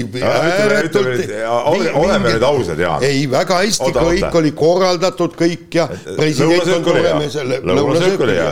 kuigi, kuigi kanal oleks võinud rohkem. kala siukses kooreses kastmes, kardulas Äh, Kardu, just nimelt kardulas. ja, ja koogitükk oleks võinud olla muidugi suurem. koogitükk oli, ütleme nagu naeruväärne, et äh, panid selle korraks suu, sulas ära, oli kõik, tead noh. et, et äh, selles suhtes äh, no, siin, siin suhtes äh, väike märkus sulle, teinekord igaks... paluks lasta lõigata suuremad tükid. ma igaks juhuks ütlen, et, äh, et teadmata, mis kook see küll oli seal ma isegi ei mäleta. aga, aga ütleme, Peebu siuksed noh, lihtsalt siia nagu tausta mõttes, et, et Peebu sellised nagu kulinaarsed hinnangud, noh, on sellised, et sa võid talle maailma kõige ägedama nagu roa ja parima joogi tuua ja ta ei saa sellest aru lihtsalt. ei, mis ei saa, maitsev söök on alati väga, väga olulisel kohal minu jaoks. nii. nii, aga mis puudutab, olgem veel selles ausad, mina jõudsin kongressile hiljem, kuna mul oli kuulsa kultuuri- ja spordiministriga intervjuu enne seda siin Tallinnas ja siis läks natuke aega siin. ja Jaan lahkus sealt varem, kui see lõppes. nii kui auhinna sai, lasi jalga. order, ei ta sõi, sõi kõhu täis ja siis hakkas tegema mingit hädist häält, ütles, et mul on tervis kehva võitu, et kuule, ma lähen minema. kas te, kas sa mitte koos prouaga ei olnud seal? ei, ma olin koos prouaga, seal oli kaks põhjust, üks oli see, et, et. mina oli, nägin oli, äh, kuskil fotodel nägin. aa, huvitav. oota, seal oli kaks põhjust. ma ei pannud isegi tähele. mul oli äh, tervis. vabandan. Jaani proua ees, kes on väga tore naisterahvas, kuidas ma tõesti ei pannud tähele. nii, no ta nägi nii, nii noor välja, sa mõtlesid. ei, kuule, sa käisid üksinda mul ei, ei, aa, sinu juures võib-olla käisin üksinda, eks mu proual, tal oli ka tuttavaid. aa, okei, okei. nii, aga seal seal oli see, et et, et mul oli tõesti tervis kehv, kuskil olin külma saanud ja, ja kui ma koju jõudsin, ma te, tegelikult sel öösel magasin kümme tundi, mis me, minu jaoks on täiesti erakordne. Läksin enne Aktuaalset kaamerat. siiski, kui ma, oota, veel, veel väike vahemärkus, kui ma sõitsin pärast Paidest tagasi, helistasin Jaanile, mulle tundus, et seal oli külmarohtu juba nagu ka võetud või no,, või oli tähistatud ordeni saamist. ei, aga peab ju võtma. õige, õige, õige. nii, aga Äh, aga, aga ähm, tegelikult oli see, et, et see teine plokk äh, ehk siis spordiseaduse muutumine, kõik see, see punkt üks mind tegelikult liiga palju ei huvitanud, punkt kaks oli see, et, et sealt anti äh, anti väga head materjalid kaasa, et ma töötasin tegelikult selle läbi, eks, et sellest tuleb ka artikkel. aga, aga, aga mis selle esimene paneel, ehk siis mida Kristjan Port vedas ja no põhimõtteliselt sport muutuvas ajas, kuigi tegelikult spordist räägiti vähe, rohkem kehakultuur nagu. isegi rohkem võib-olla tavatervisest. tavatervisest, et ühest küljest, kui ma nüüd, tähendab, mul öö, proua kuulas seda sõnavõttu ja ta noh, ma ei saa öelda, et oli vaimustuses, aga ta kuulas seda täieliku huviga, sest just räägiti see, et, et kuidas meie nii-öelda lapsed ja rahvas ei ole, ei suudeta liikuma saada ja, ja kuidas, kuigi ja seal olid siis äh, äh, meil see perearst, siis oli Sixten Sild, eks, vallavanem, oota perearst oli see. see Karmen Joller. Karmen Joller, eks, ja, ja siis Tarvi Pürn äh, olid seal, kes, kes rääkisid ja seal to toodi väga huvitavaid näiteid ja kõik, et mis on tegelik seisukoht. et mul abikaasal oli tõesti seda huvitav kuulata Äh, minule endale suurt mitte, sellepärast ma olen kõige sellega väga hästi kursis. ja ma olen ka neid Soome uuringuid, kõik, mis seal ette, ette toodi ja see oli muidugi minu meelest piinlik, et me toome Soome uuringud, kus meie, kus meie uuringud on, eks. ja, ja, ja, ja, ja tegelikult, mis oli kogu selle kõikide nende pagana viimaste spordikongresside jama tullakse ja räägitakse täpselt ühte sama juttu. nii, ainukene, mis muutuvad, ainukene, mis muutuvad, on need protsendid, et kui võib-olla viis või kümme aastat tagasi me hädaldasime, et viiskümmend, kuuskümmend protsenti ajateenistujaid ei suuda, suuda täita NATO öö, testi, siis nüüd on see protsent jõudnud kaheksakümneni, see toodi ära. ja, ja, ja siis ma hakkasin mõtlema, eh, mina olen kuulnud vähemalt kolmkümmend kaheksa korda eh, Urmas Sõõrumat, EOK presidenti, tooma näiteks, et üks terviseinnetusse pandud euro toob tagasi kaheksa kuni eh, kümme eurot. ma pakun välja, et ta on seda rääkinud umbes kakssada korda, kolmsada korda, kõikjal ja kõigile. no ja siis, kas pannakse ennetustöösse neid üht, nagu ta nõuab, palju see on, paarkümmend miljonit, eks. mis oleks tegelikult hästi mõistlik, aga ei panda, keegi ei kuula. kogu seda fucking kongressi ei kuula keegi. ja seal polnud kedagi, esiteks kongressis oli vähe inimesi tegelikult suhteliselt. teiseks seal mitmed inimesed käest küsisid, kui ma olin kirjutanud selle arvamusartikli ka, et spordikongress on mõttetu. et noh, et tulid seda mõttetut asja siia vaatama siis, eks ole, ma siis ikka tulin ja, ja loomulikult sain taaskord kinnitust, et see ongi mõttetu et see ongi mõttetu sama asja pärast, mille pärast Jaan praegu rääkis, eks ole, et need jutud korduvad, need jutud ütleme, on kõik, kõik samasugused, aga ja, ja need teemad, okei okay,, ma olen nõus, teemad on olulised ju, aga sest jutust ei ole mitte mingit kasu sedasi, mis, mis selle, mis selleks tulla kokku, nimetada, et see on nüüd suur spordikongress, et rääkida neid asju, mida me nagunii teame, oleme sada viiskümmend korda kuulnud ja, ja, ja ilma, et sellel kõigel sel jutul ja saja viiekümnendal korral rääkimisel mitte mingisugustki jõudu oleks. nii, ja, ja, ja Peep, eh, tegelikult oli, eh, oli see, vaata, eh, ma ühel aastal käisin, mind kutsuti Paide Arvamusfestivalile seda, sinna paneeli, seal oli noh, terve see, kuidas nad ütlevad, see väljak või kus kohas seal need käisid arutelud. just oli, kuidas saada lapsed liikuma ja, ja, ja selles mõttes ta oli parem, parem kui see spordikongressi paneel, punkt üks, seal oli nagu mitu erinevat teemat ja punkt kaks, arutati mitte seda, mis meil on, aga arutati seda, mis tuleks teha, millised võiksid olla lahendused. ja lõpuks pandigi välja punktide haaval, et mida tegelikult tuleks teha, võiks teha, peaks tegema. aga siin ju seda midagi ei ole, istume seal, räägime, et milline olukord on, kaardistame ära, lähme laiali, noh, hurraa jah, nii, nii paraku on. aga noh, samamoodi sama resümee jäi, jäi mul natukene tundena kõlama ka vaadates Peep või kuulates sinu jutuajamist värske kultuuriministriga, mida sa eelmise nädala reedel siis sama, pidasid. vahetult enne spordikongressi. vahetult enne, vahetult enne spordikongressi ja, ja noh, minnes sellesama äh, nii-öelda pealkirja teema juurde kasvõi ehk siis räägib, rääkides treeneri rahastamisest Eesti ühiskonnas.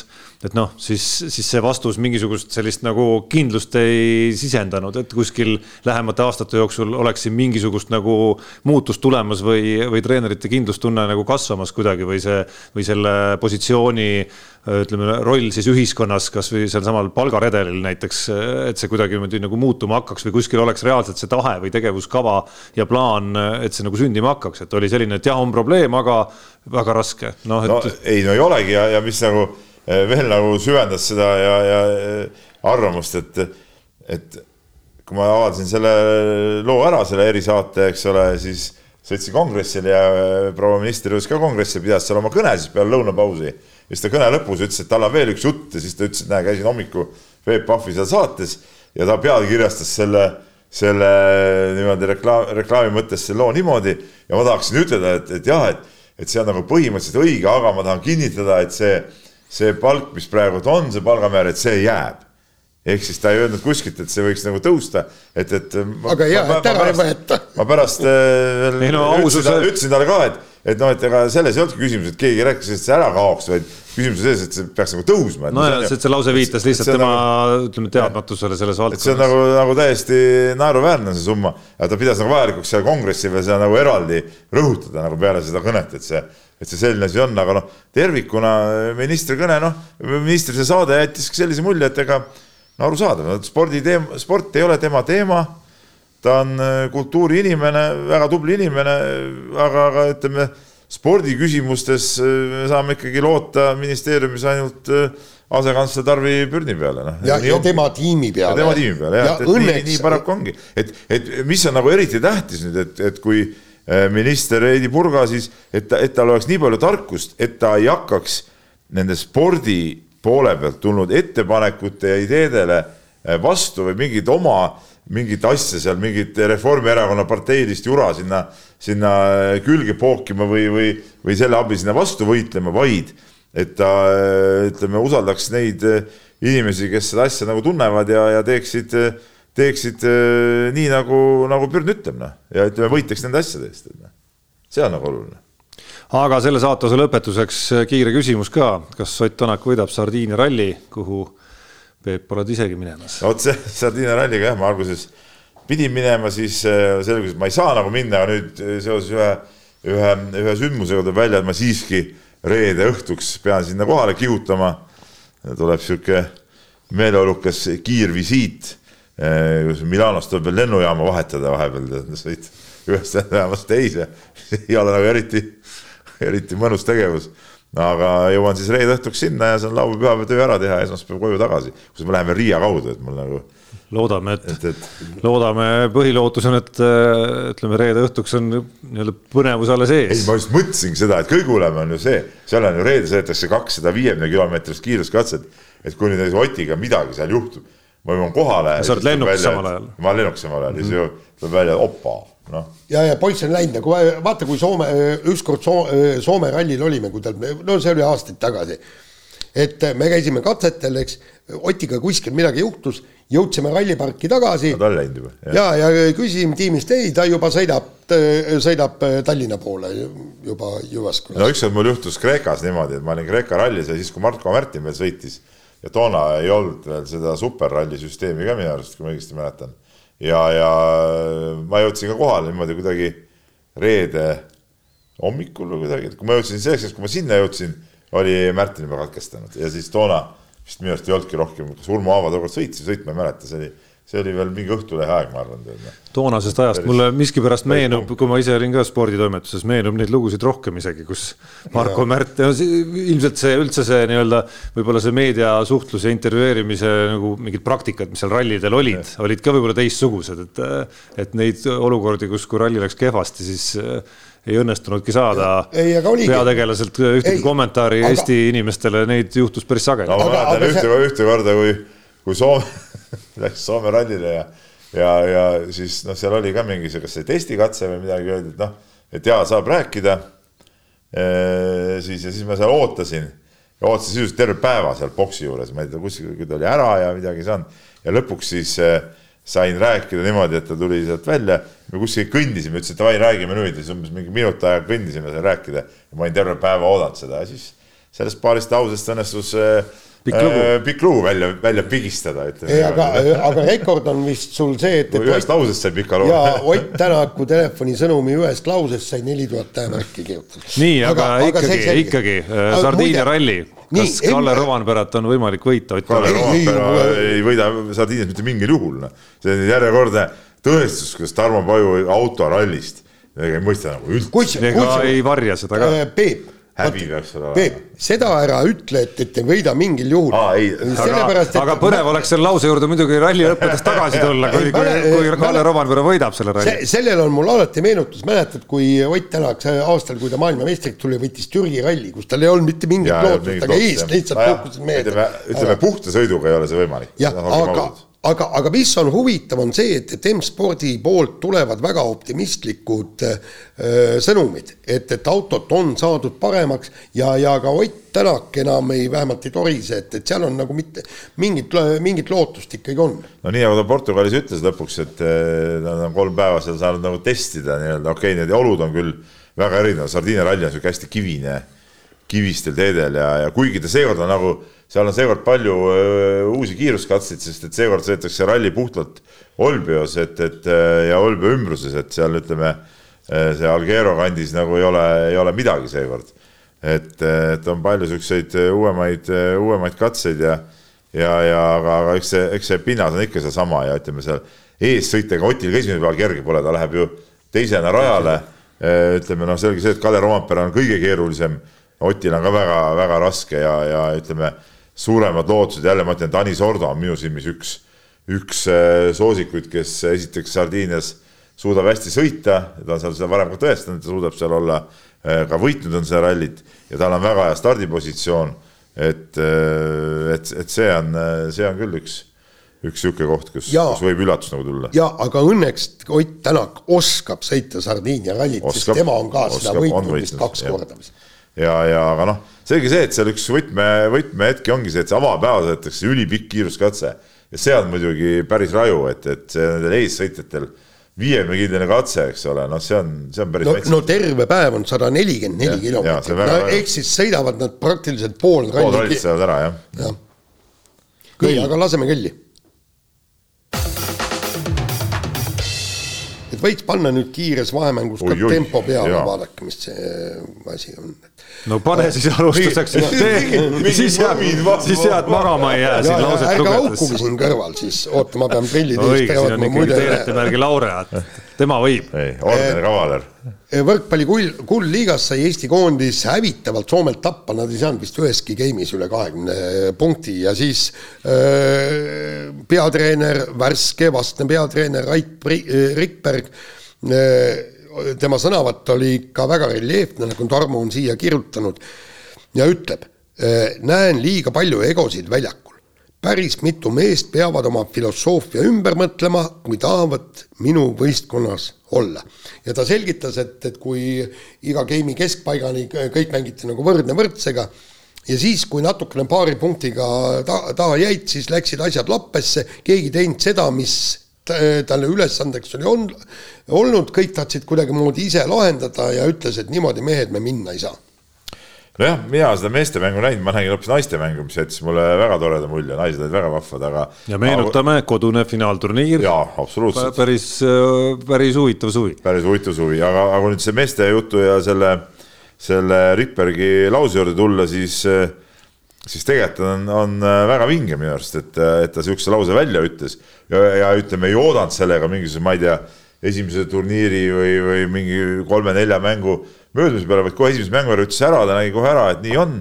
ja ütles selle kohe ära, selge sõnum mängijatele, et, et davai, et nüüd peate ikkagi ennast, ennast kohendama ja, ja, ja ma arvan, et see, no sellest saab tulla ainult kasu, et see kuskilt otsast kahjuks ei saa nagu töötada ja et, et huvitav on jälgida tema stiili kasvõi seal meeskonna juhendamisel time-out'ide ajal, et, et ütleme, et ta on seda tüüpi treener, kes sellise leebe olekuga noh, nende sõnade puhul ütleb selliseid nagu karme sõnu et need olek ja see, need sõnad tihti on natukene nagu vastuolus võrreldes treeneriga, kes ütleme, kui ta ikka kõvasti möllab, siis ikkagi noh, Peep Pahvilikult ikkagi nagu tahvlid lendavad ja, ja hääletoon muutub hoopis teistesse detsibellidesse ja sihuke tunne on, et kui natukene, natukene veel, siis annab mulle veel vastu vahtimist ka seal mängijana on ju, kui midagi ei meeldi, eks. et, et, et väga hu huvitava käekirjaga on Alar Rikberg ausalt öeldes, kui seal nagu vaadata, et seda, seda ägedam, noh, mõnes mõttes ägedam ja huvitavam oli, oli kuulda just neid sõnu seal ikkagi väga halastamatult kohe esimese mängu järel ennast nii-öelda nagu noh, mingis mõttes nagu, nagu sõnumit andmas ja kehtestamas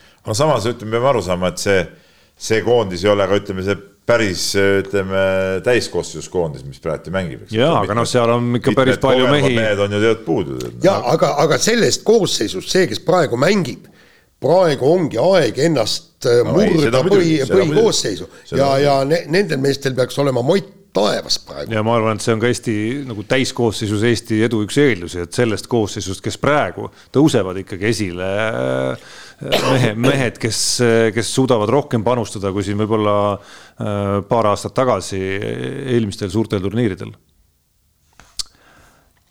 nii. sina. Karel Voolaid sai Paide linnameeskonna peatreeneri ametist lahti.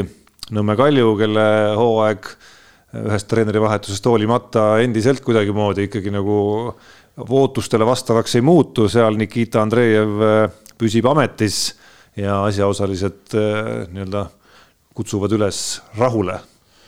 no eks seda äh, Voolaidu tead, ütleme, hoiti ikkagi nii kaua, kui üldse hoida oli võimalik, noh et, et. isegi kaua. isegi kauem, isegi kauem kui, kui võimalik võib-olla, et, et, et ma, ma imetlen nagu Paide klubi inimeste sihukest kannatlikkust, aga no eks nad seal asja sees nägid võib-olla paremini ja, ja ootasid ja ja, ja, ja lootsid, et nagu see oma mees ikkagi ja, ja, ja saab võib-olla kuidagi lõpuks asjad käima, aga no ei saanud, no ei, ei tulnud välja ja lõpuks see samm tuli teha ja ma arvan, see samm oli, oli, oli igati õige, siin ei ole midagi rääkidagi. jah, aga, aga nüüd kuidas edasi, nüüd nad tõid, tõid peatreeneriks selle, mis ta oli, serblane või kes ta jah. oli?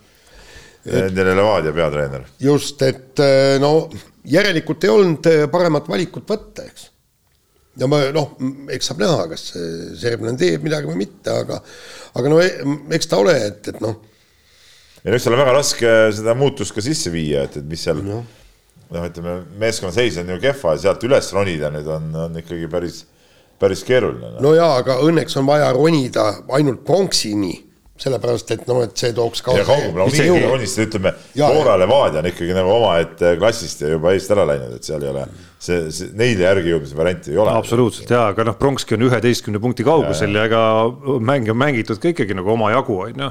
et äh, nii Paide kui Nõmme Kalju õnn, õnn on mingis mõttes olnud see, et see seis on nii segane seal äh, meistriliiga turniiri tabelis praegu, et kui seal näiteks kolmandal kohal asuks Nõmme Kalju noh, mingi sellise, kui seal on Flora kolmkümmend kaheksa, Levadia kolmkümmend neli ja Tallinna Kalev kakskümmend neli, et oleks seal Nõmme Kalju mingi noh ma ei tea, Levadiast omakorda nelja punkti kaugusel ja selgelt mänguga, millega ta näitab, et noh, ta on ikkagi nagu selge kolmas. no siis tunduks siis nagu lootusetu täiesti, et antud juhul, kuna see pilt on nii sassis seal, Kalevid, Pärnud ja, ja nii edasi, on, on selles seisu üsna segaseks ja vee üsna segaseks ja sogaseks lükanud.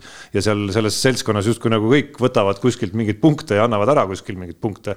et noh, siis annab seal veel, ma arvan, mängu muutes kalastada ja tõusta küll. jah, aga, aga muide, see segane seis mul tuli selle mõtte mõtte pähe ja kusjuures ma tõmbas, peast tõmbas äh, nagu paralleeli suusatamisega. see, et, et meil kõik võivad kõike võita, viigistada, kõik esimesed, tagumised, kõik, mis see imeasi on. kas see, kas see annab, kõik räägivad, ei ole põnev, põnev tšempionat, aga kas see annab äh,, annab meile äh, mõista, et meil on tugev liiga või see, et, et meil on nõrk liiga, omal ajal toodi, vaata seal oli, et suusatamises vahikus on nii põnev sekundite mäng, kolm tükki panevad nii kõvasti. ja selle peale öeldi väga rahulikult. see näitab see, et, et meil on kolm keskpäraselt head suusatajat. kui sa tahad maailmas silma paista, sa pead kõiki võitma kahe minutiga. nagu tegi omal ajal Kristiina Smigun ja siis Katrin Smigun. ja paraku nii on, mul on kahjuks, kahjuks tunne, et, et ühtlaselt kehv on meie liiga. no, no varsti see, tuleb eurosuvi, nii et. see näitab ära muidugi. nii et ja. Äh, Floraga eesotsas saavad tõestada, et sa eksid. nii, aga Karel Tilga siis käis ainsa Eesti mitmevõistlejana Götsise kümnevõistlusel ja ja tegi küll kaheksa tuhat nelisada kolm punkti, mis on iseenesest nagu korralik, väga korralik äh, punktisumma, aga tegelikult ütleme, võistlustel ikkagi väga hästi ei õnnestunud, et, et äh, oli, oli väga häid alasid, aga oli ka selliseid alasid, mis tõesti äh, läksid eh, sõna otseses mõttes lati alt läbi, mis puudutab sinu kõrgushüpet, eh, teivast ja muidugi oda nagu eelkõige, et, et et, et sinna need punktid kaduma läksid, see näitab, et tal tegelikult eh, potentsiaal oli teha ikkagi väga-väga kõva tulemus ja, ja võib-olla see on tal kuskil sees ka olemas, aga, aga ütleme, seda kümmet ala niimoodi kokku panna, noh, see ikka kuskilt, iga võistlus, mis te praegu teinud, iga, iga võistlus on kuskilt midagi nagu, nagu ära vajunud, et, et seda seda kümne asja kokkupanekut, stabiilset tegemist peab nagu õppima. ja aga selles mõttes ongi, tähendab, vot nüüd me võime, võime arutada, kas see on pluss või miinus. ta põrus oma trumpaladel, aga aitas kõvasti juurde, tegi isiklikke rekordeid oma mitte trumpaladel no,. mitte kõikide trumpaladel, Teivas ei ole ta kindlasti trumpala ja, ja, ja Teivas on tal olnud suhteliselt ebakindel ja, ja oli seekord jälle, et ütleme, see on see on nagu üks murekoht tegelikult ja Teivas on teadupärast nii-öelda no, punktide mõttes kallis ala, eks ole, et, et. no aga kõr-, kõrguses ta on ikka. kõrgus on küll, mida ta hästi hüpanud. meesega. no ja Oda ka on. aga noh, seal oli, aga noh, seal oli ka selge lugu taga Oda ebaõnnestumises. ja, ja, ja Kettas jäi teil ju ka tegelikult oma tegelik tase no, välja. punkte nüüd seal kaotsi väga ei läinud. punkte vähe, teiseks no see, kui sa oled kunagi heitnud viiskümmend meetrit ja seda, et sa kümpi seesse viiskümmend meetrit heidad, no see on nagu mm., need on kaks erinevat asja. jah, aga, aga see, et, et. odas sa... on ta võistluse ees seitsekümmend visanud. ma ise oma silmaga nägin. jah, aga, aga, aga kui sa ikkagi neljasajas meetris sada kümme tõket, eks, et seal saab tuhat viissada oli vist ka või? ei, seal ta rekordit ei teinud, teinud, küll tegi sajas tegi, sajas ja tõketas mõlemas sprindis, mis on nagu väga ja, hea. ja pluss nelisada oli ka, eks ju nelisada oli ka rekord jah ja,. noh, mis, mis, mis on nagu, mis on nagu väga sümpaatsed näitajad ja ma vana kümnevõistluse fännina mingi, mingi, mingi rahutus tuli õhtul sisse, natukene äh, käisin kalkuleerimas ja avastasin sellise fakti, et, äh, et ühes arvestuses Karel Tilga kerkis Eesti kõigi aegade teiseks kümnevõistlejaks. see on isiklik rekordite summa mis on kaheksa tuhat üheksasada kolmkümmend seitse Karel Tilgal pärast seda, äh, pärast neid rekordi ja tippmarkide uuendusi, mis ta on nüüd teinud selle hooaja kahel võistlusel juba. ehk siis Erki Nool on küll seal, mis ta on, äh, üheksa tuhat ükssada üheksakümmend, no päris korralikult rohkem kui kahesaja viiekümne, ei vähem kui kahesaja viiekümne punktiga ees. aga Maicel Uibos sai ta, on ta selle näitajaga juba möödas ja järgmisena tulevad seal Mikk Pahapilja ja Johannes Erm ja mida see näitab, on siis see, et noh, ta on üks kõige vähem nii-öelda seda oma potentsiaali ühes konkreetses võistluses kokku panna suutnud äh, mees, olles samal ajal kahekümne viie aastane äh, omades selgelt vaadates siin enam-vähem, et äh, Eesti kõigi aegade esikaheksat, et mis protsentuaalselt kasvõi mis nagu kui erinevad on isiklikud summad ja nende nagu parim kümnevõistlus, mis nad kokku panid, et kui need nagu enam-vähem sihukest keskmist õnnestumisprotsenti vaadata, noh siis selline kaheksa tuhat kuussada Karel Tilgal peaks olema selle hooaja nagu jala ja käe sees, noh. no see peab olema ka eesmärk selle, selle taustal igal juhul muidugi. ja see ja, ja tuletame meelde, et noh, teadmata nüüd, mis täpselt maailma tipud siin teevad, et seal on ka küsimärke üleval ju päris palju, on ju. et äh, see võib, aga see ei pruugi veel mingisugune nagu medali tulemus. aga no nüüd ongi see küsimus, eks ole, et Ilga nüüd tegi suhteliselt lühikese vahega kaks äh, korralikku võistlust äh, ära, nüüd on kuni MM-ini on palju aega, et, et tegelikult ütleme, need tulemused, praegu tehtud tulemused MM-i kontekstis ei maksa midagi, et nüüd on need võtme, võtmekuud eh, sisuliselt eh, kaks, eh, kaks pool kuud on MM-ini, et, et kuidas, kuidas see periood üle elatakse, ta läheb, eks ole, Ameerikasse tagasi treenima ja, ja aga, aga see ongi, et, et kuidas esiteks nüüd see vorm, noh, seda tuleb korraks alla viia, teha mingid baastreeningud uuesti üles tõsta, et, et, et kuidas see tal õnnestub, eks ole, sest et ütleme, selge see, et seda vormi ju praegu noh, hoida kaks pool kuud selle ju, see on ebareaalne, seda noh, see niimoodi asjad ei käi, eks ole. aga, aga sisuliselt tuleb ta nagu uuesti pärast vormi viia, et kuidas see õnnestub, et selles ja, suhtes no, need kevadised näitajad ei maksa midagi. ja, aga tema puhul on esmatähtis praegu terveks jääda. ei, seda muidugi. nii, ja teine asi ikkagi võistelda üksikaladel ja, ja hoida nagu nii-öelda võistlustoonust sees lihtsalt huvitava faktina, Peep äh, ja Jaan, teie olete vanakooli mehed siin, kui ma juba selle statistika välja raalisin sealt tipust. et kui Karel Tilga isiklik on kaheksa, neli, kaheksa, neli ja, ja tema isiklike rekordite üksikalade summa on kaheksa tuhat üheksasada kolmkümmend seitse ehk siis see teeb üheksakümmend neli koma üheksa teeb selleks protsendiks, siis palju ta on realiseerinud hetkel neid kõrvuti pannes siis. siis äh, üks mees seal esikaheksas on sellise vägeva protsendiga nagu üheksakümmend kaheksa koma üheksa. kas see Kaseorg ei olnud või? ei, ta ei ole esikaheksas isegi ah.. Eesti kõigi aegade. jah, huvitav, et päris hea küsimus ta peab, esikaheksas ei ole, ta peab ikka olema mingi kaheksa tuhande alguse mees nagu punktisummalt. no ta on ikkagi Eesti, ma julgeks öelda, kümnevõistluslegend ikkagi. legend või? Äh, Nazarov või? ei, ei ole esikaheksas. aa, ah, ta, tähendab, ta on see, keda sa küsid, on tagapool kaheksandat kohta. ei, tema on esikaheksas ah., kõigi aegade Eesti ja. esikaheksas, eh, kes on noh, nagu ülekaalukalt kõige nii-öelda nagu suurema osa oma potentsiaalist suutis panna ühte kümnevõistlusesse kokku. no ma ei tea. külvet või? absoluutselt. jah, kaheksa tuhat viissada oli tal. jah, isiklik summa oli veidi üle kaheksa tuhande kuuesaja ainult. no, no vot ja, ja isiklik rekord siis kaheksa tuhat viissada kuus. kaheksa tuhat viissada väiksega, jah, mis on ikka nagu hämmastav ja, näitaja.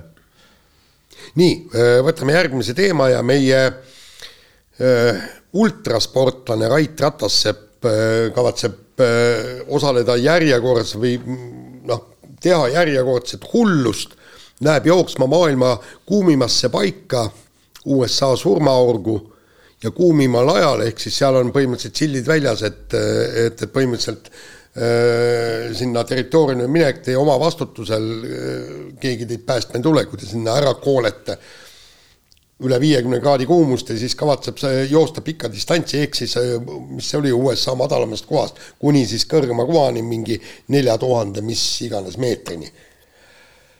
no, no tahaks öelda poisile, et, et no kuule, sul on naine, lapsed, ma ei tea.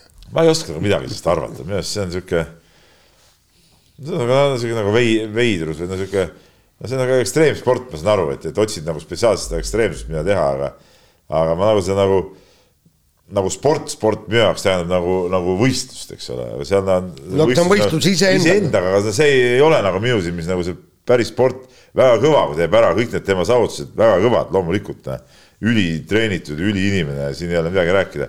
aga ma ei oska seda nagu niimoodi nagu spordina võtta või, ja ma ei oska sellest ka nagu kokkuvõttes väga nagu vaimustada. no aga eks ta ongi segu mingisugusest sellisest klassikalisest võistlusspordist ja, ja mingisugusest ekstreemsusest.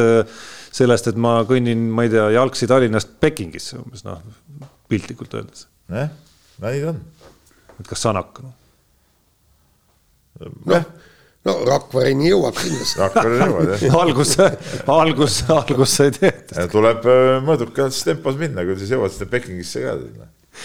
nii, aga selle saatuse lõpetuseks äh, Eesti võrkpallikoondise diagonaalründaja Rene Teppan lõpetas siis oma hooaja Poolas, selgus tagantjärele päris, päris ütleme, mis see õige sõna siin olekski, kurio-, kurioossel moel ikkagi. ehk siis Poola esiliigas Teppan eelmisel hooajal mängis, mängisid seal finaalseeriat, finaalseeria otsustavat mängu.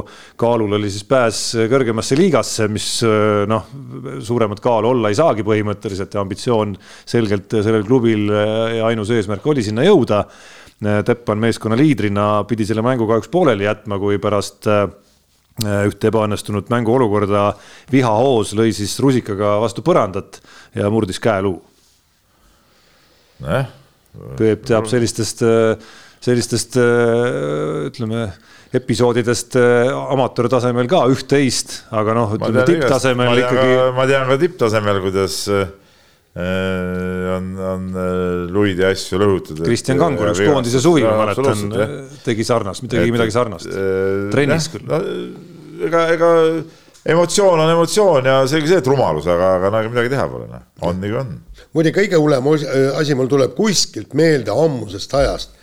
korvpallur oli ja kus, kusjuures tipptasemel, kui ta pärast mingit asja ju peaga lõi vastu, vaata see korvi noh, korvi konstruktsiooni küljes olevad need paganama postid mm -hmm. ja, ja mhm. no seal see pehme kaitse ja põhimõtteliselt ta ei olnud nii, et ta sattus selle järel ratastooli, mul kuskilt maalt tuleb mingi niisugune asi meelde, aga no ütleme niimoodi, et kui emotsioonid on, siis need paisatakse välja, nii, nii, nii on. no üsna karm, karm õppetund muidugi. seda kindlasti. iseasi, kas sellest nagu järgmises vihahoos on siis nagu äh, võimalik õppida kuidagi või, või mitte, et eks see, see sõltub juba igast ühest endast. absoluutselt. et noh, see üks asi on see enda suvi, aga noh, teine asi tegelikult sa ju vead meeskonda päris korralikult alt, kui sa oled meeskonna liidermängija. see on lubamatu sihukeses olukorras, see sihuke asi on lubamatu, aga ma ütlen, see on emotsioon, mida tihtipeale ei suuda inimesed eh, ohjeldada.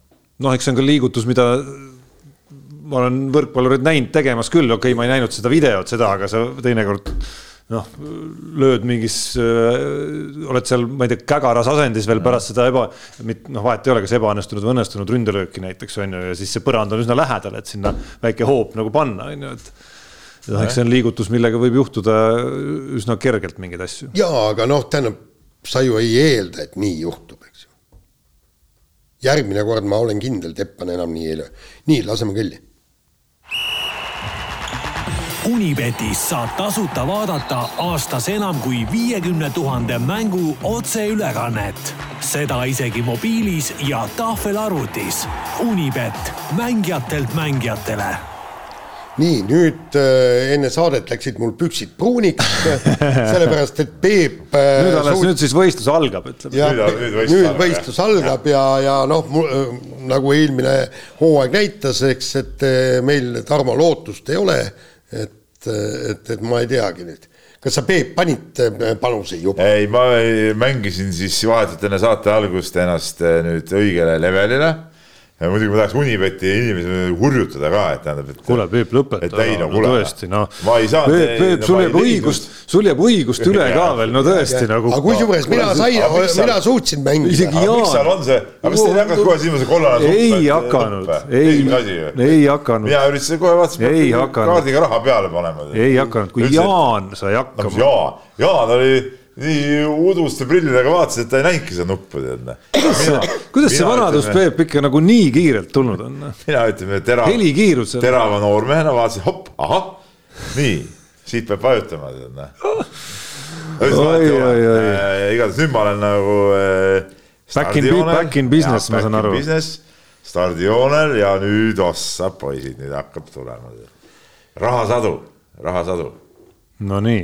palju teil, palju ma teile ette andsin nüüd siis? no minu, mina olen täpselt ümmarguselt äh, neljasaja euro peal. nii, ja. ja mul on äh, kuskil kolm, ei, ei kolmsada kakskümmend millegi. panin ka. ma andsin teile panin..., ma andsin teile siin, ma ei tea, viis kuud aega, viis kuud aega. tehke omale mingi resultaat Tava,. kui te pole mingi kakskümmend eurot, Jaan, noh kuule, sada eurot arva. ma olen, ma tavaliselt. ma selle... mängisin siin seda, seda lauas, seda po äh, pokkerit kuule, ma ühe naksuga. sa ei saanud aru, mida sa mängisid isegi. või mis asi oli seal see, kakskümmend ühte, vabandust, mitte pokkerit ja. Atškood. Atškood jah, et, et ei, ma ei mäleta, mis asi see oli, aga, aga ja, ja kohe sada viiskümmend eurot tuli peale. Milles asi, mehed, ei oska mängida või? no kohe ei. vaatame, kuidas see, kuidas sinu, kuidas sinu.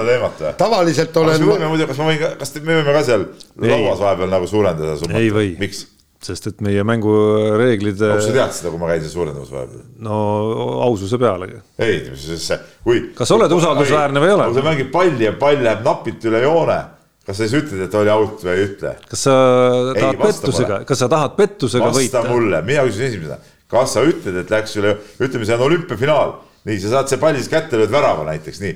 kas sa ütled siis, et oli joone peal või ei olnud? kas sa tahad meid võita ma ausalt, demonstreerides oma, demonstreerides küsimus. oma spordipädevust, oma asjatundlikkust või sa tahad sind sahkerdada kuidagi? sahker, asjatundjaks on ka see, et ma oskan kaarti. näita, näita üles, äh, kuidas sa oled spetsialist. ma näitasin eelmine aasta, ma olen valitsuse tšempion, miks siin pole midagi rääkida. no nagu sa tead täpselt, sa oled täpselt nii kõva nagu su viimane mäng. noh, mis Ehk viimane siis, mäng oligi, lõppes siis... Äh, detsembris no.. terve see aasta on mul viimane mäng on minu võidetud väga hea, seda tuleb ja. nüüd sel aastal uuesti tõestada. jumal no aga näha ja on, mitte et... ja mitte sahkerdamisega, vaid ikkagi ja, nagu heade ennustamistega. näha on, et te ei ole saanud ju millegagi hakkama ju noh.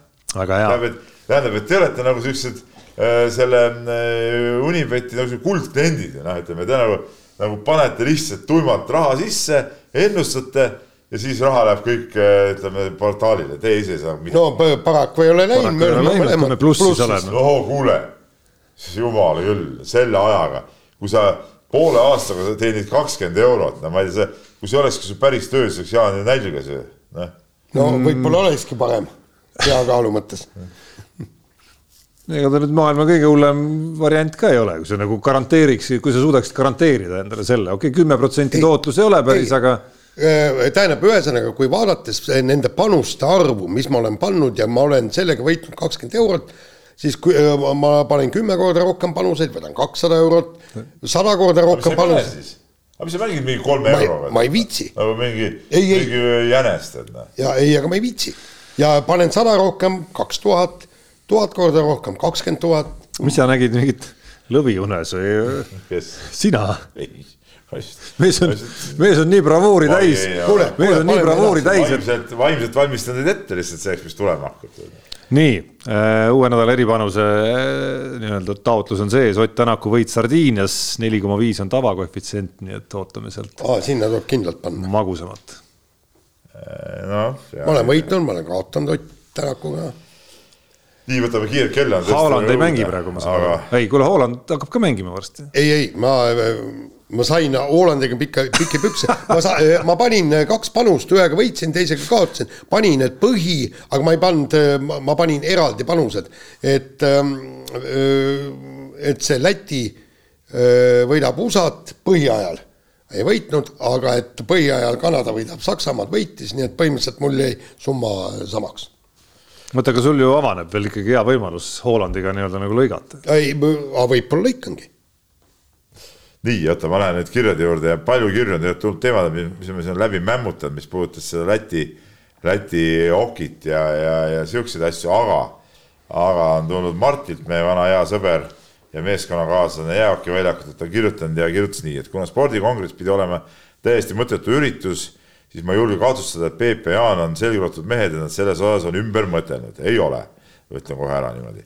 igatahes olid nad sellel mõttetusel kohal. Sellest tulenevalt on mul küsimus Peebule ja Jaanile, et mis on kõige mõttetum üritus, kuhu te kohale olete läinud juba ette teades, et tegu on täiesti mõttetu üritus? mul on kindlalt, ma olen seda näidet palju kordi tulnud, ma ei hakka nimesid nimetama, aga Ateena olümpiamängudel saadeti mind maadlust vaatama ja seal oli alagrupp eh, neli maadlejat, kõik maadlesid kõigiga läbi, eks ja siis võitja pääses edasi või midagi. ja siis põhimõtteliselt meie maal oli vist neli maadlejat või oli kolm ja kaks matši, vahet ei ole Nende matšide vahe oli mingi pff, kaks tundi.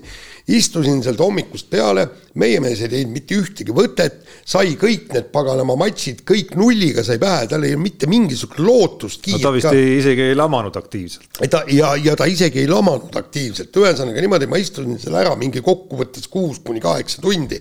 intervjuu oli ka nagu oli, noh, tähendab, inimene laiutab käsi, ütles noh, nagu tavaliselt, et purak on sees, aga välja ei tulnud ja ja kõik ja siis pidin sellest veel loo ka kirjutama ja, ja, ja kusjuures kõik see oli ette teada, aga ma ei mäleta, mikspärast, ju ma olin mingi jamaga hakkama saanud, miks mind sinna maadlusele saadeti no,. kõige, ma tea, konkreetset üritust niimoodi nagu raske ütelda, kõige mõttetumad asjad, kuhu peab kohale minema, kui sa tead, mis on täiesti mõttetud, on tihtipeale siuksed eh, mingid pressikonverentsid eh,, tihtipeale ka mingid võistluseelsed pressikonverentsid eh,, mis, mis esiteks sulle endale mitte mingit huvi ei paku, mis ei paku ka tihtipeale lugejatele mingit huvi, aga mõnikord lihtsalt nagu tuleb sinna minna lihtsalt, sest et tuleb minna.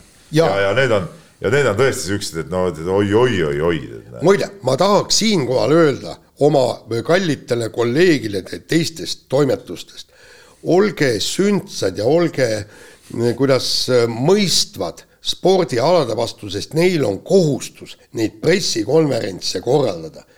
ja tulge kasvõi kehadeks kui teil ei ole, ma olen, ma olen kord ja, kord ja kord olen keha käinud tegemas, sellepärast et ja, ja tänu sellele teie nii-öelda läbisaamine spordiinimestega, sellesama ala inimestega, sportlastega, kõik, seal sel aastal öö, oli see juunioride öö, ja kadettide EM Tallinnas vehklemises, läksin pressikonverentsile.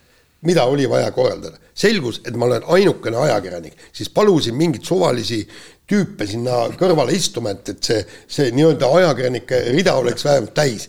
ja hakkasin, keegi teine ei küsinud ja hakkasin kõigepealt Euroopa Vehklemisliidu president, kõik küsin paar-kolm küsimust ära, kõik te, tegin näo nagu paneks kirja, on ju, eks, siis ja seal oli viis inimest ja kõikidega, kõikidelt ilusasti küsisin kõik kõik küsimused ära, eks pärast läksin, tegin sportlastega asjalikud lood ära ja kõik, eks, aga kujutage ette, kui mind ei oleks olnud. Ja, ja, ja mõelge nüüd neid alaliidu inimesi. tulge kehadeks kohale. no üks asi on kehadeks, aga teine on noh see on ju üks osa ja üks ikkagi selline hästi käegakatsutav äh, moodus, mismoodi oma nii-öelda nagu allikasuhteid äh, luuagi. aga täpselt, aga aga no ja olemuselt on need ikka tihtipeale väga-väga mõttetud. aga no neil on kohustus, neil on kohustus. ma saan aru, ma saan aru ja, aga ja noh, ja eriti, mis veel nagu mõttetud on muidugi siuksed natuke reklaamimaigulised äh, pressikonverentsid nagu näiteks noh, mingisugune noh, mis, mis nagu sihuke hea, hea näide võib-olla on see noh, näiteks see viimane Rally Estonia üritus, kuhu ma pidin ka tead minema, aga lõpuks ma ei, ei, ei jõudnud sinna kohale, see nii-öelda see. Eesti-Soome. Eesti-Soome, noh, oma olemuselt noh, tegelikult no, no tegelikult täiesti mõttetu asi, no selles suhtes nagu pressikonverentsid, okei okay,, tegid oma uudise ära, lasid eh, pressiteate välja, pandi üles kõik, mida seal rääkida on, millest me räägime seal, tead noh.